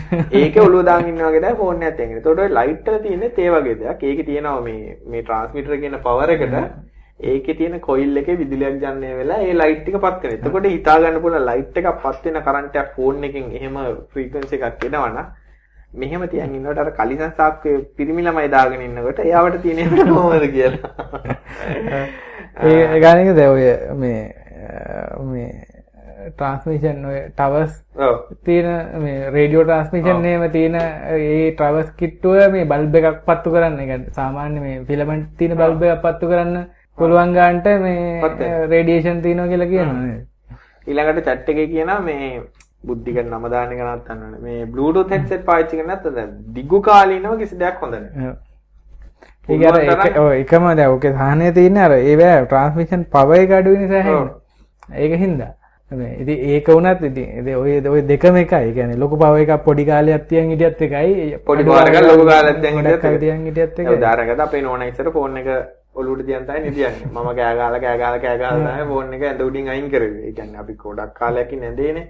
ඒකට ඔක ඔලුවට එම හිටියාම ඒ ෆ්‍රීකවන්සි එනවා විශේෂයෙන්. ඒ වගේ දේවල් නොකරින තරමට හොඳ දැන් උදාහරණයක් ගත්තොත් මේ Wi-Fi එක මෙතන තියෙන එකත් ඇත්තටම එක්තරා විදිහක මම ওই Wi-Fi එකේ පවර් එක උනත් ගොඩක් අඩු කරලා තියෙන එක. ඒ කියන්නේ කොච්චර අපිට අවශ්‍ය ගන්න තිබ්බහම එතිනේ 500ක් දින කියලා 500 මරලා දාන්න ඕනේ. ඉතින් එහෙම ප්‍රශ්න තියෙනවාද? එහෙම විද්‍යාත්මකව කිසි දෙයක් ඔප්පු කරලා නැහැ. විද්‍යාත්මකව මේ ඔය කියන කෙලින්ම සම්බන්ධයක් තියෙනවා කියලා මේ මයික්‍රෝවේව් වලින් පිළිකා හැදෙයිද අර මේවා කියලා එහෙම ඔප්පු කළම නැහැ. ඒත් ඉතින් මෙහෙමනේ ඔප්පු කරන්න බුද්ධික හරියට ඒ කියන්නේ මේ වගේ කන්ට්‍රෝල් විදියට ඉතින් අවුරුදු ගාණක් ඒ වගේ ස්ටඩි එකක් කරන්න බෑනේ. දැන් අද ඉන්නක මොළ මැටි වෙලා තියෙනෙත් ඔය මේ මල් කඩන හින්දා වෙන්නේ නිකන් ඒගාගේ. මාත් මේ පැය හතේ අටේ රෙකෝඩ් තියෙන මිනිස්සෙක් දැන් ෆෝන් වල සිග්නල් අඩුයි බුද්ධික ඉස්සර ෆෝන් වල දැන් සිග්නල් අර අර අපි අපි පාවිච්චි කරන Nokia ෆෝන් වලට කන රත් වෙනවනේ. ඇල්කට විනාඩි 20 යනකොට කන රත් කරලා දාඩියක්. කරනවා ඒකට ඉතින් ඔයගේ හායිචන කරින් තාට හොඳයි. හඳනම් කඩේ පැනලා තරු පැනලා තියෙන බුද්ධික මේ අප්ලෝඩ් කරන්නත් එපා කලින් තව ප්‍රශ්නයක් තියෙන එක. මේ රවුටර් එකයි මොඩම් එකකයි මේ නෑ රවුටර් එකයි මොඩම් එකයි තියෙන වෙනස අහනවා ඊට පස්සේ රවුටර් එකයි ස්විච් එකයි අතර වෙනස අහනවා මොකක්ද ඔව් ඇත්තටම මේ රවුටර් එකයි මොඩම් එකකයි තියෙන ප්‍රධාන වෙනස තමයි මේ මොඩම් එක කියන්නේ. දැන් අපි නිකන් සරලව කතා කරොත් තනියෙන් වැඩ කරන එකක් නෙමෙයි මොඩම් එක. මේ මොඩම් එකට තව සොෆ්ට්වෙයාර් සපෝට් එකක් ඕන. ඒ කියන්නේ මොඩම් එක කියන්නේ මේ දැන් අපි නෙට්වර්ක් එකක් මොකක් හරි කනෙක්ට් වෙන්න යනකොට ඒකේ තියෙන මේ පල්ලෙහාම තියෙන ඔය ෆිසිකල් ලේයර් එකේ තියෙන එකක් විතරයි මොඩම් එක කියන්නේ ඊට උඩ තියෙන අනිත් ස්ටැක් එකට ඕනේ දේවල් ටික සොෆ්ට්වෙයාර් වලින් තමයි සපෝට් කරන්නේ. හැබැයි රවුටර් එකක් එහෙම නෙමෙයි රවුටර් එකට පුළුවන් තනියම නෙට්වර්ක් එකත් එක්ක කනෙක්ට් වෙලා කමියුනිකේට් කරලා ඊළඟට අර එක රවුටරයක් කියන්නේ එක පැත්තක තියෙන ඒ මීඩියම් එක තව විදිහකට වෙන කනෙක්ටිවිටි එකක් හදලා දෙනවා. ඒක තමයි මොඩම් එකත් එක්ක ගත්තොත් තියෙන වෙනස. ස්විච් එකක් එක්ක ගත්තොත් තියෙන ඇත්තටම මේ රවුටර් එකක් තියෙන්නේ මේ නෙට්වර්ක් ගොඩක් කනෙක්ට් කරන්න. ස්විච් එකක් තියෙන සාමාන්‍යයෙන් එකම නෙට්වර්ක් එකේ මේ නෝඩ්ස් ගොඩක් ගොඩක් කනෙක් කරන්න ස්විච්ච එකක් තියෙනවා. මොක රවුටර් එකේ නමින්ම තියෙන රවුටින් වෙන්නේ අරගේ ස්විචින්. රවුටර් එකේ සරල උදාහරණයක් ගත්තා පෝස්ට් ඔෆිස් එකක් වගේ. ඒ කියන්නේ දැන් පෝස්ට් ඔෆිස් එක දන්නවනේ අපිට මිස්ටර් පෙරරට ලියුමක් 104 ඉංග්‍රීසි මිස්ටර් පෙරරට ආවන්න ඕනේ. ඊට පස්සේ තව ලියුමක් આવොත් එහෙම ඇමරිකාවේ ජෝන් අංකල්ට යවන්න කියලා මට මේක කරන්න බෑ කියලා තව කාටද දෙන්න. ඒ වගේ ඉන්ටෙලිජන්ට් එක ටිකක්. ඒ කියන්නේ එයාට තේරුමක් තියෙනවා මොකද්ද කරන්න ඕනේ කියලා. ස්විච් එකක් කියලා කියන්නේ ඉන්ටෙලිජන්ට් දෙයක් නෙමෙයි. කාපි නිකන් අර පෝස්ට් පෙට්ටියට දානවා වගේ පෙට්ටියට දැම්මා මේකත් එන්ට ගිහින් දානවා. එච්චරයි. ලොජික් එක ඒක ප්‍රී ඩිෆයින් එකක්. ඒ කියන්නේ දැන් අපි දන්නවා අපි පැකට් එකක් නෙට්වර්ක් එකට ඇරියොත් ඉස්සර කාර්ය හබ් කියන ලෙවල් එකේ දින කාලේ ගන්නේ මුළු ගමටම කියන ලියුමක් කෑලා දිනා මිස්ටර් පෙරරට හැම ගෙදරට අහන ඌ දන්නේ මිස්ටර් පෙරරන්නේ මේ ගෙදරද කියලා මේ මොකද අන්දරය වගේ තමයි ඌ අඳුරන්නේ කවුද කියලා. හැබැයි ස්විච් එක ටිකක් කල් ගිහලා දවස් දෙකක් විතර යන දැනගන්නවා මෙයා මෙතන ඉන්නවා කියලා. කියන්නේ පියුම් මහත්තයා දන්නවනේ. පියුම් ඇවිල්ලා ගෙදර ගිහිල්ලා බලන්න ආ රයිට් හරි. 34 ගෙදර පෙරරා ඉන්නවා කියලා දන්නවා එයා. හැබැයි රවුටර් එකක් ඊට වඩා ඉන්ටෙලිජන්ට්. හොයන්න කලින් එයා දන්නවා මෙයා මෙතන කියලා. ඒ කියන්නේ එයාට ප්‍රීඩිෆයින් රූල් සෙට් එකක් තියෙනවා උදාහරණයක් ගත්තොත් මට ලියු එතෙන් ලියුමක් ආවත් එයා දන්නවා කොළඹට යන ලියුම්නම් දෙන්න ඕනේ මෙතෙන්ටයි. පිටකොටට යන ලියුම්නම් දෙන්න ඕනේ මෙතෙන්ටයි කියලා. ඒ වගේම අපිට ඒක කන්ඩිෂනලි වෙනස් කරන්නත් පුළුවන් නෑ. පිටකොට ලියුම් අද මේ හිට යවන්න මම මෙහෙට යවන්න. කියලා වගේ දේවලුත් කරන්න පුළුවන්. මොකද දැන් අපි රවුටර් කන්සෙප්ට් ගොඩක් වෙලාට මේ අපි ගෙදරකදී හිතන්නේ මේ අපිට දෙකයිනේ තියෙන ඔප්ෂන්. අපේ කම්පියුටර් ඇතුලේ නෙට්වර්ක් එකේ තියනවාද එළියට යනවාද අපිට ලොජික් දෙක. නමුත් අපි දැන් රවුටින් ගැන කතා කරොත් ඇත්තට රවුටර් එකක් ගත්තොත් ඒකේ ගොඩක් ලොජික් තියෙනවා. අපිට තව රවුටර් පහයක් තියෙන්න බල අපිට එතකොට ඒ රවුටර් පහය තව රවුටර් එකකට කනෙක්ට් කරලා තියෙන්න බල. ඒකට අපිට කියන්න බල මේ රවුටර් එකේ ඉන්න පැකට් එක මේකට දෙන්න. මේකට එන එක මෙයාට දෙන්න. මෙහෙම වගේ ඒ කියන්නේ. ඇත්තටම කිව්වොත් සෙන්ට්‍රල් පෝස්ට් ඔෆිස් එක වගේ. අපේ අරක ඇවිල්ලා අපේ ගෙදර තියෙන රවුටර් ඇවිල්ලා අර මොනවාද ඒකට සබ් පෝස්ට් ඔෆිස් තියෙන්නේ. ඒකේ තියෙන්නේ මෙහෙමයි. ගෙදර තියට එන ලියුම් ටික ගෙදරට ගිහින් දානවා. ගේ පෝස්ට් එකේ එන ලියුම් ටික සෙන්ට්‍රල් පෝස්ට් එකේ ගිහින් දානවා. එච්චරයි. ඒක එතකොට අපි කරන්නේ ඒ රවුටරේ දන්නේ දැන් අපේ කම්පියුටරේ මොනවා හරි රවුටරේට එවුවාම SLT මෙන්න. කිව්වත් හරි ආයතන එහාට ඒ කියන හොයන්නේ. නමුත් SLT ඇතුලේ තියෙන රවුටරේ ටික බාරන ආ මේක යවන්න ඕනේ Yahoo අයියටනේ. මේ ඔබ පොඩ්ඩක් මේක බලපන් කියලා තව රවුටර් එකකට දෙනවා. ඒ රවුටරේ යවුවල නම් ආ මේ ඒක ඇගූ ගන්න බෑ උඹ මෙන්න මේක පොඩ්ඩක් බලපන් කියලා එහෙම දෙනවා. ඉතින් ඒක ටිකක් කම්ප්ලෙක්සිටිට කරන්න ඕනේ. අනිත් එක මේ රවුටර්ස් වලදී IP ඇඩ්‍රස් එක තමයි වැඩ කරන්නේ. ස්විච් වලට ගියාම මේ MAC ඇඩ්‍රස් වලින් තමයි යා මේ ස්විචින් කරන්න ඔක්කොම. ඒ වගේ ඉතින් වෙනස්කම් තමයි ওই දෙකේ තියෙන්නේ. කාලින් අයියා Canon 600D කැමරා හොඳයිද? වැරදි පුද්ගලයකින් ඇහුවේ. එන්ට්‍රි ලෙවල් කැමරා වලට යනවා නම් මම සාමාන්‍යයෙන් Canon කැමරා රෙකමෙන්ඩ් කරන්නේ නැහැ ඒකට හේතුව තමයි කැනන් වල එන්ට්‍රි ලෙවල් කැමරා වලට එනකොට කලර්ස් එච්චරම හොඳ නැහැ. රෝග හනන ප්‍රශ්නයක්. ප්‍රී ප්‍රොසෙස්ඩ් ඉමේජ් එක කියන්නේ JPG වගේ ගන්නවා නම් එච්චරම හොඳ ක්වොලිටි එකක් නෙමෙයි තියෙන්නේ. මේ වගේ ලෝ රේන්ජ් එකට යනවා නිකොන් කැමරා එකට හැමතිස්සෙම මාරු වෙනවා. නිකොන් වල කලර් ගොඩක් අපේ හැමට අපේ ලංකාවට ගැලපෙන විදිහට බැලන්ස්. Canon ඔය රේන්ජ් එක යන 5D වගේ එකක් 7D එකක් ගන්නවා නෙමෙයි මං කියන්නේ. Canon low range cameras ගන්නකොට ටිකක් ප්‍රී ප්‍රොසෙස් ඉමේජ් එක කියන්නේ JPG කරලා ගහනවා නම් ඔටෝ දාලා ගන්නවනේ විශේෂයෙන් ඔටෝ දාලා ගන්නවා මං වගේ කට්ටිය මෝඩ් විදියට කොට දැන් DSLR අති වඩා ඔටෝ ගත්ත උත්කාරව ගාන් ගියා. JPG වුණා කම්පියුටර් කොපි කරා. ඒ ෆොටෝ එක ගැන ඇත ඇති හැබැයි ටිකක් ලෙවල් එකකට ගිහිල්ලා ඕනනම් ඔටෝ දාලත් අර රෝ ඉමේජ් එක නම් ගහන්නේ ඒක ඉතින් දාලා රූම් හරි මොකක් හරි දාලා ප්‍රොසෙස් කරලා ගන්නවා නම් ප්‍රශ්නයක් නැහැ නමුත් කැමරා එක ඇතුලේ ඉමේජ් එක ප්‍රොසෙස් කරනවා නම් Canon කැමරා එකක් ගන්න එපා. ඒක මගේ පෞද්ගලික මතයක්. නමුත් මේක ගැන ගොඩාක් කට්ටිය ඩිසැග්‍රී වෙයි. නමුත් මම නම් දකින්න එක. අනිත් එක තමයි Nikon වගේ කැමරා එකක් ගත්තොත් Canon lens එකක් දාන්න පුළුවන්. නමුත් Canon වගේ කැමරා එකක් ගත්තොත් Nikon lens එකක් දාන්න බෑ. අනික Nikon වල කලර්ස් මම නම් පුද්ගලිකව කැමතියි. ඒ කියන්නේ ඒගොල්ලන්ගේ කලර්ස් බැලන්ස් කරලා තියෙන විදිහට. Canon ටිකක් නිල් රතු පැත්තට වැඩි ටිකක්. බුද්ධි කැමතියි මම බුද්ධි ගත්තෙන් කැමරා දන්නා ඇත්තටම අර ගන්න ඕනලා තමයි හෙව්වේ ගන්න. මටත් ඒ ටිකක් බැලුවාම මේ හිතුනේ මේ එන්ට්‍රි ලෙවල් එකකට යනවා නම් මේ නිකොන් වලට යන්න කියන අදහස තමයි මේ ගොඩක් අය කියලා තිබුණේ. ඒකින් ඉතින් අරන් බැලුවනේ. මොකද මම නම් ඇත්තටම ෆොටෝ ගන්න එහෙම කිසිම හැකියාවක් නැති කෙනෙක් නිසා මම දන්නේ අර ෆොටෝ කිව්වා. මොකද මට අපේ තාත්තා ඡායාරූප ශිල්පේ උපරිම දැනන් හිටියට මට පොඩි කාලේ දන්නවනේ පයිපයි දාලා ගහන්න කියනවා මිසක් ඒ කාලේ අර ෆිල්ම් රෝල් දාලා ගහන කාලේ ගැහුවොත්යි ඩෙවලොප් වෙනකම් ෆොටෝ එක තියෙනවද නැද්ද කියලා දන්නේ නැහැ. ඒ කාලේ කියලා දෙන්න හැදුවා මේ මැටි මොලේට ගියේ නැහැ ඉතින්. මොකද අපේ ගෙදර ඩෙවලොපින් කරන ඒවා ෆොටෝ ප්‍රින්ට් කරන ඒවා ඔක්කොම ගෙදර තිබ්බා. මට ඉස්සර නම් ඉතින් මේ මට දැන් ඉතර මතක නැහැ. ඉස්සර නම් ඩිවලොප් කල්ලා ෆොටෝ එක ප්‍රින්ට් කරන ලෙවල් එකට පොඩි කාලේ කියන්නේ මං කියන්නේ අවුරුදු 8 9 10 කාලේ ඇත්තරම පුළුවන් ඊට පස්සේ ඉතින් ඒ බ්ලැක් ඇන්ඩ් වයිට් කියන කල්චර් එක ගියා. ඒ කාලේ නම් ඉතින් ටිකක් ඇත්තරම හොඳට ෆොටෝ එකක් ගන්න පුළුවන් වගේ දැන් නම් ඉතින් ෆොටෝ දාලා ගොනෙක් වගේ ගන්න එක සහ ෆෝන් එකකින් ෆොටෝ ගන්න එක අරගෙන ඉතින් ෆොටෝ ගැන නම් එච්චර ආසාවක් නැහැ නමුත් ආස කරන නමුත් අර හැට දැක්කහම තේරෙනවා ඉතින් ෆොටෝ එක හොඳද නරකද කියලා. එහෙම එකකින් තමයි කියන්නේ කැනන් සාමාන්‍යයෙන් එච්චරම එන්ට්‍රි ලෙවල් යනකට හොඳ නැහැ කියලා. නම නැති එක්කෙනෙක් කෙනා කම්පියුටර් USB port එකෙන් 35 volt AC කරන්ට් එනවලු.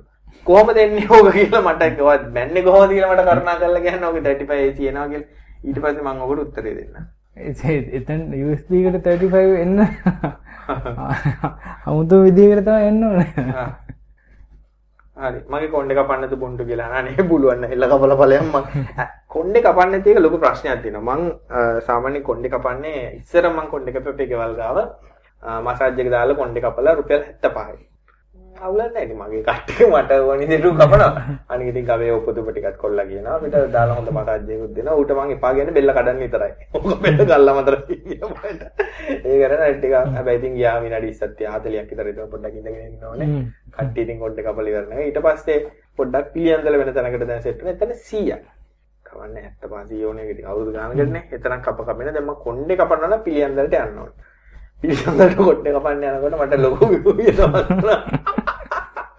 පිළියන්දලට. ඉතින් හේතුවක් හදනවා තමයි පිළියන්දලට යන්නේ. හේතුවක් හදලා ගියාම අර සැලුන් එකේ ෆ්‍රී එකක් තියෙන්න බෑ. ඒත් තමයි කොණ්ඩේ කපන්නේ. මම නම් මලාකට රුපියල් 200කට වඩා නම් දීලා කොණ්ඩේ කපන්නේ කියලා තීරණයක් ගත්තා. කොණ්ඩේ මෙතෙන්ට වැවුණා. බුද්ධිගන පොඩි රෙකමෙන්ඩේෂන් දෙන්න මේ ළඟ. ඒක 110 එතන. ඒක කවන්නේ. මේ දරෙත් එතන නැදව මම වෙන තැනකින් කපලා මේ තාම දුක් වෙනවා. කපපු විදියට. ඒක නිසා මේ රුපියල් 3000ක් දීලා චැම්ප කරගන්න නම් අවශ්‍යතාවයක් නැහැ. ඉතින් අපි ගමෙන් හැදිච්ච ගොල්ලෝ අපිට අර මට තාමත් මතකයි බුද්ධික ඉතින් ඉස්සර අපි මම නම් ඇත්තටම ඉස්සර හන්දියට යන මේ වගේ පිස්සෙක් වගේම තමයි මං උනත් හන්දියට මට ඉතින් ගාලා චොට කලිසමක් ගාලා දෙරප දෙකේ මඩ පිටින්. ඒ යන්නේ දැන් මං මේ ළඟදී දැන් යනකොට දකිනම් කොල්ලෝ අම්මට ගාලා මන් දැන් නෑ මල්ලි කොහෙද අනේ හන්දිට පොඩ්ඩක් මං හිතුව මේ කොළඹ ගොඩ යන්න ලෑත් අපි ඒ කාලේ කොළඹ ගියවක්වත් නෑ ඉතින් ඒ වගේ ඉතින් කොල්ල ලස්සනලා ඉන්නද? අපි නාකිනේ. නම් අගුලක්ද කොණ්ඩේ?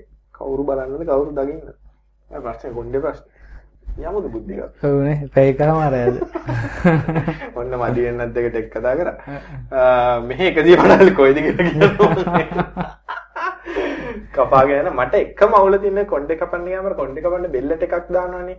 ඕකේ හැබැයි දාඩිය ගතියට තේරුණොත් අර තෙතට මට ඒක ටිකක් හරිනේ අවුල් ගතියක් දැන හැබැයි ඉතින් අර අනි යන අනිත් තැන් වල අය දන්නේ හින්දා ඉතින් ඒක හොඳ එකක් මට දානවා. මම කවුල් හින්දා. අනිත් එක තමයි මට බය ගොඩක් මොයි බ්ලේඩ් එහෙම මේ පාවිච්චි කරපු ආයුධයි වගේ ප්‍රශ්නක් තියෙනවානේ. දැන් හැබැයි ගොඩක් තැන් වල හොඳයි අයින් කරනවා. මේ මට අර අවශ්‍ය ආස මෙහෙමයි දැන් ඔය දැන්. මම දන්න තැන් වල ටිකක් මුන් දන්නම රැවුල කපන්න මෙතන කියලා මම භාගයක්ම කපනවා මේකෙන් කරපට දැන් ඔක්ක ගිහලා කොණ්ඩේ කපාගෙන වගේ ලෙවල් එකක් ගියා. මොකද අර ගෙවල් ගාවකට ගියාම නම් උඹ රැවුලක් කපලා දානවා. රැවුලක් කපන්න ගියා. අර ගාන්නව තමයි. ඉතින් දැන් ඇත්තටම සැලුන් හොඳයි දැන්. මම ඉස්කෝලේ යන කාලේ කොණ්ඩේ කපපු තැන කාලින්ග මේ සැලුන් එක ළඟ මේ තියෙනවා. එතන අර පොඩි වතුර පාරක් යනවා. අර බෝතලයට වතුර පුරවගන්න ඒක. ඒක දැක්කාම එපා. USB පෝට් එකට යා මල්ටිමීටර තියලා බලවලු මොන ඩිවයිස් එක හරි එකට කනෙක්ට් කරාම ඒකේ බැල් එකේ එනවා අරන්ට 35 වෝල්ට් නම් කම්පියුටර් ඇතුලේ එන්න විදියක් නැහැ. මොකද කම්පියුටරේ ඇතුලේ කොහෙවත් 35 වෝල්ට් නැහැ. එහෙනම් පවර් සප්ලයි එකේ ඉඳන්ම ලොකු කේස් එකක් තියෙනවා. එනවනම් උතෙන් දැන් 35 උතෙන් එනවනම් මදර්බෝඩ් එක වැඩ කරන්න බෑ. මල්ටිමීටර පොඩ්ඩක් චෙක් කරන්න ඔක්කොම. ඕනේ රෙගියුලේටර්ස් ගානකින් එනවනේ ඔව්. 35 එන්නේ දැන් නෑ. ඔය DC DC කන්වර්ටර් නැහැ චම්ලි කෝ කියලා අහනවා. අපි චම්ලි කෝ කියන එක ගැන කතා කරන එක වැළගෙන ඉන්න මොකද ගිය සතියේ අපිට චම්ලි ලොකු මේල් එකක් කියලා තිබ්බ චම්ලි ඇයි එන්නේ නැත්තේ කියලා. අපිත් එක තරහ වෙලා නැහැ තම්මි. හැබැයි ගෑනල බෑ හින්දා නෙමෙයිලු. හිතන්න නෑ. මේවා ඉතින් කොල්ලෙක් කෙල්ලෙක් හම්බුනා මේ කාලේ ඉතින් ලව් කරන්නත් එපා. ටෙක් කතාව වගේ ලව් කරන එක. මොකද මේ ඒ වෙලාවට ඉතින් කොයිලේ කෝල්ලක් දානවද කියලා මෝඩ් එකේ ඉන්නේ නේ මුද්ද එක. හැමදාම ඉතින් කතා කරන්න එක පස්සේ දැන් නම් මට හිතා ගන්න බෑ මම ගෑන ළමෙක් එක්ක පැය ගන්න. දැන් මට යාළුවෙක් කෝල් කරලා විනාඩි 2 3 කට කතා කරන්න දෙයක් ඇත්තම නෑ. ඒ වගේ ප්‍රශ්න තමයි තියෙන්නේ. ඉතින් පවුනේ. වෙන්න නවත්තම යන්නේ. මොන සෝදිය සුබ්‍රාත්‍ය. ලබසති හම්බෙන්නේ. ලබන්න. ඔය බලන්න. වීඩියෝ එක ගෙවුවා. මේක දාලා දෙන්නේ ඩිසෝල් කරලා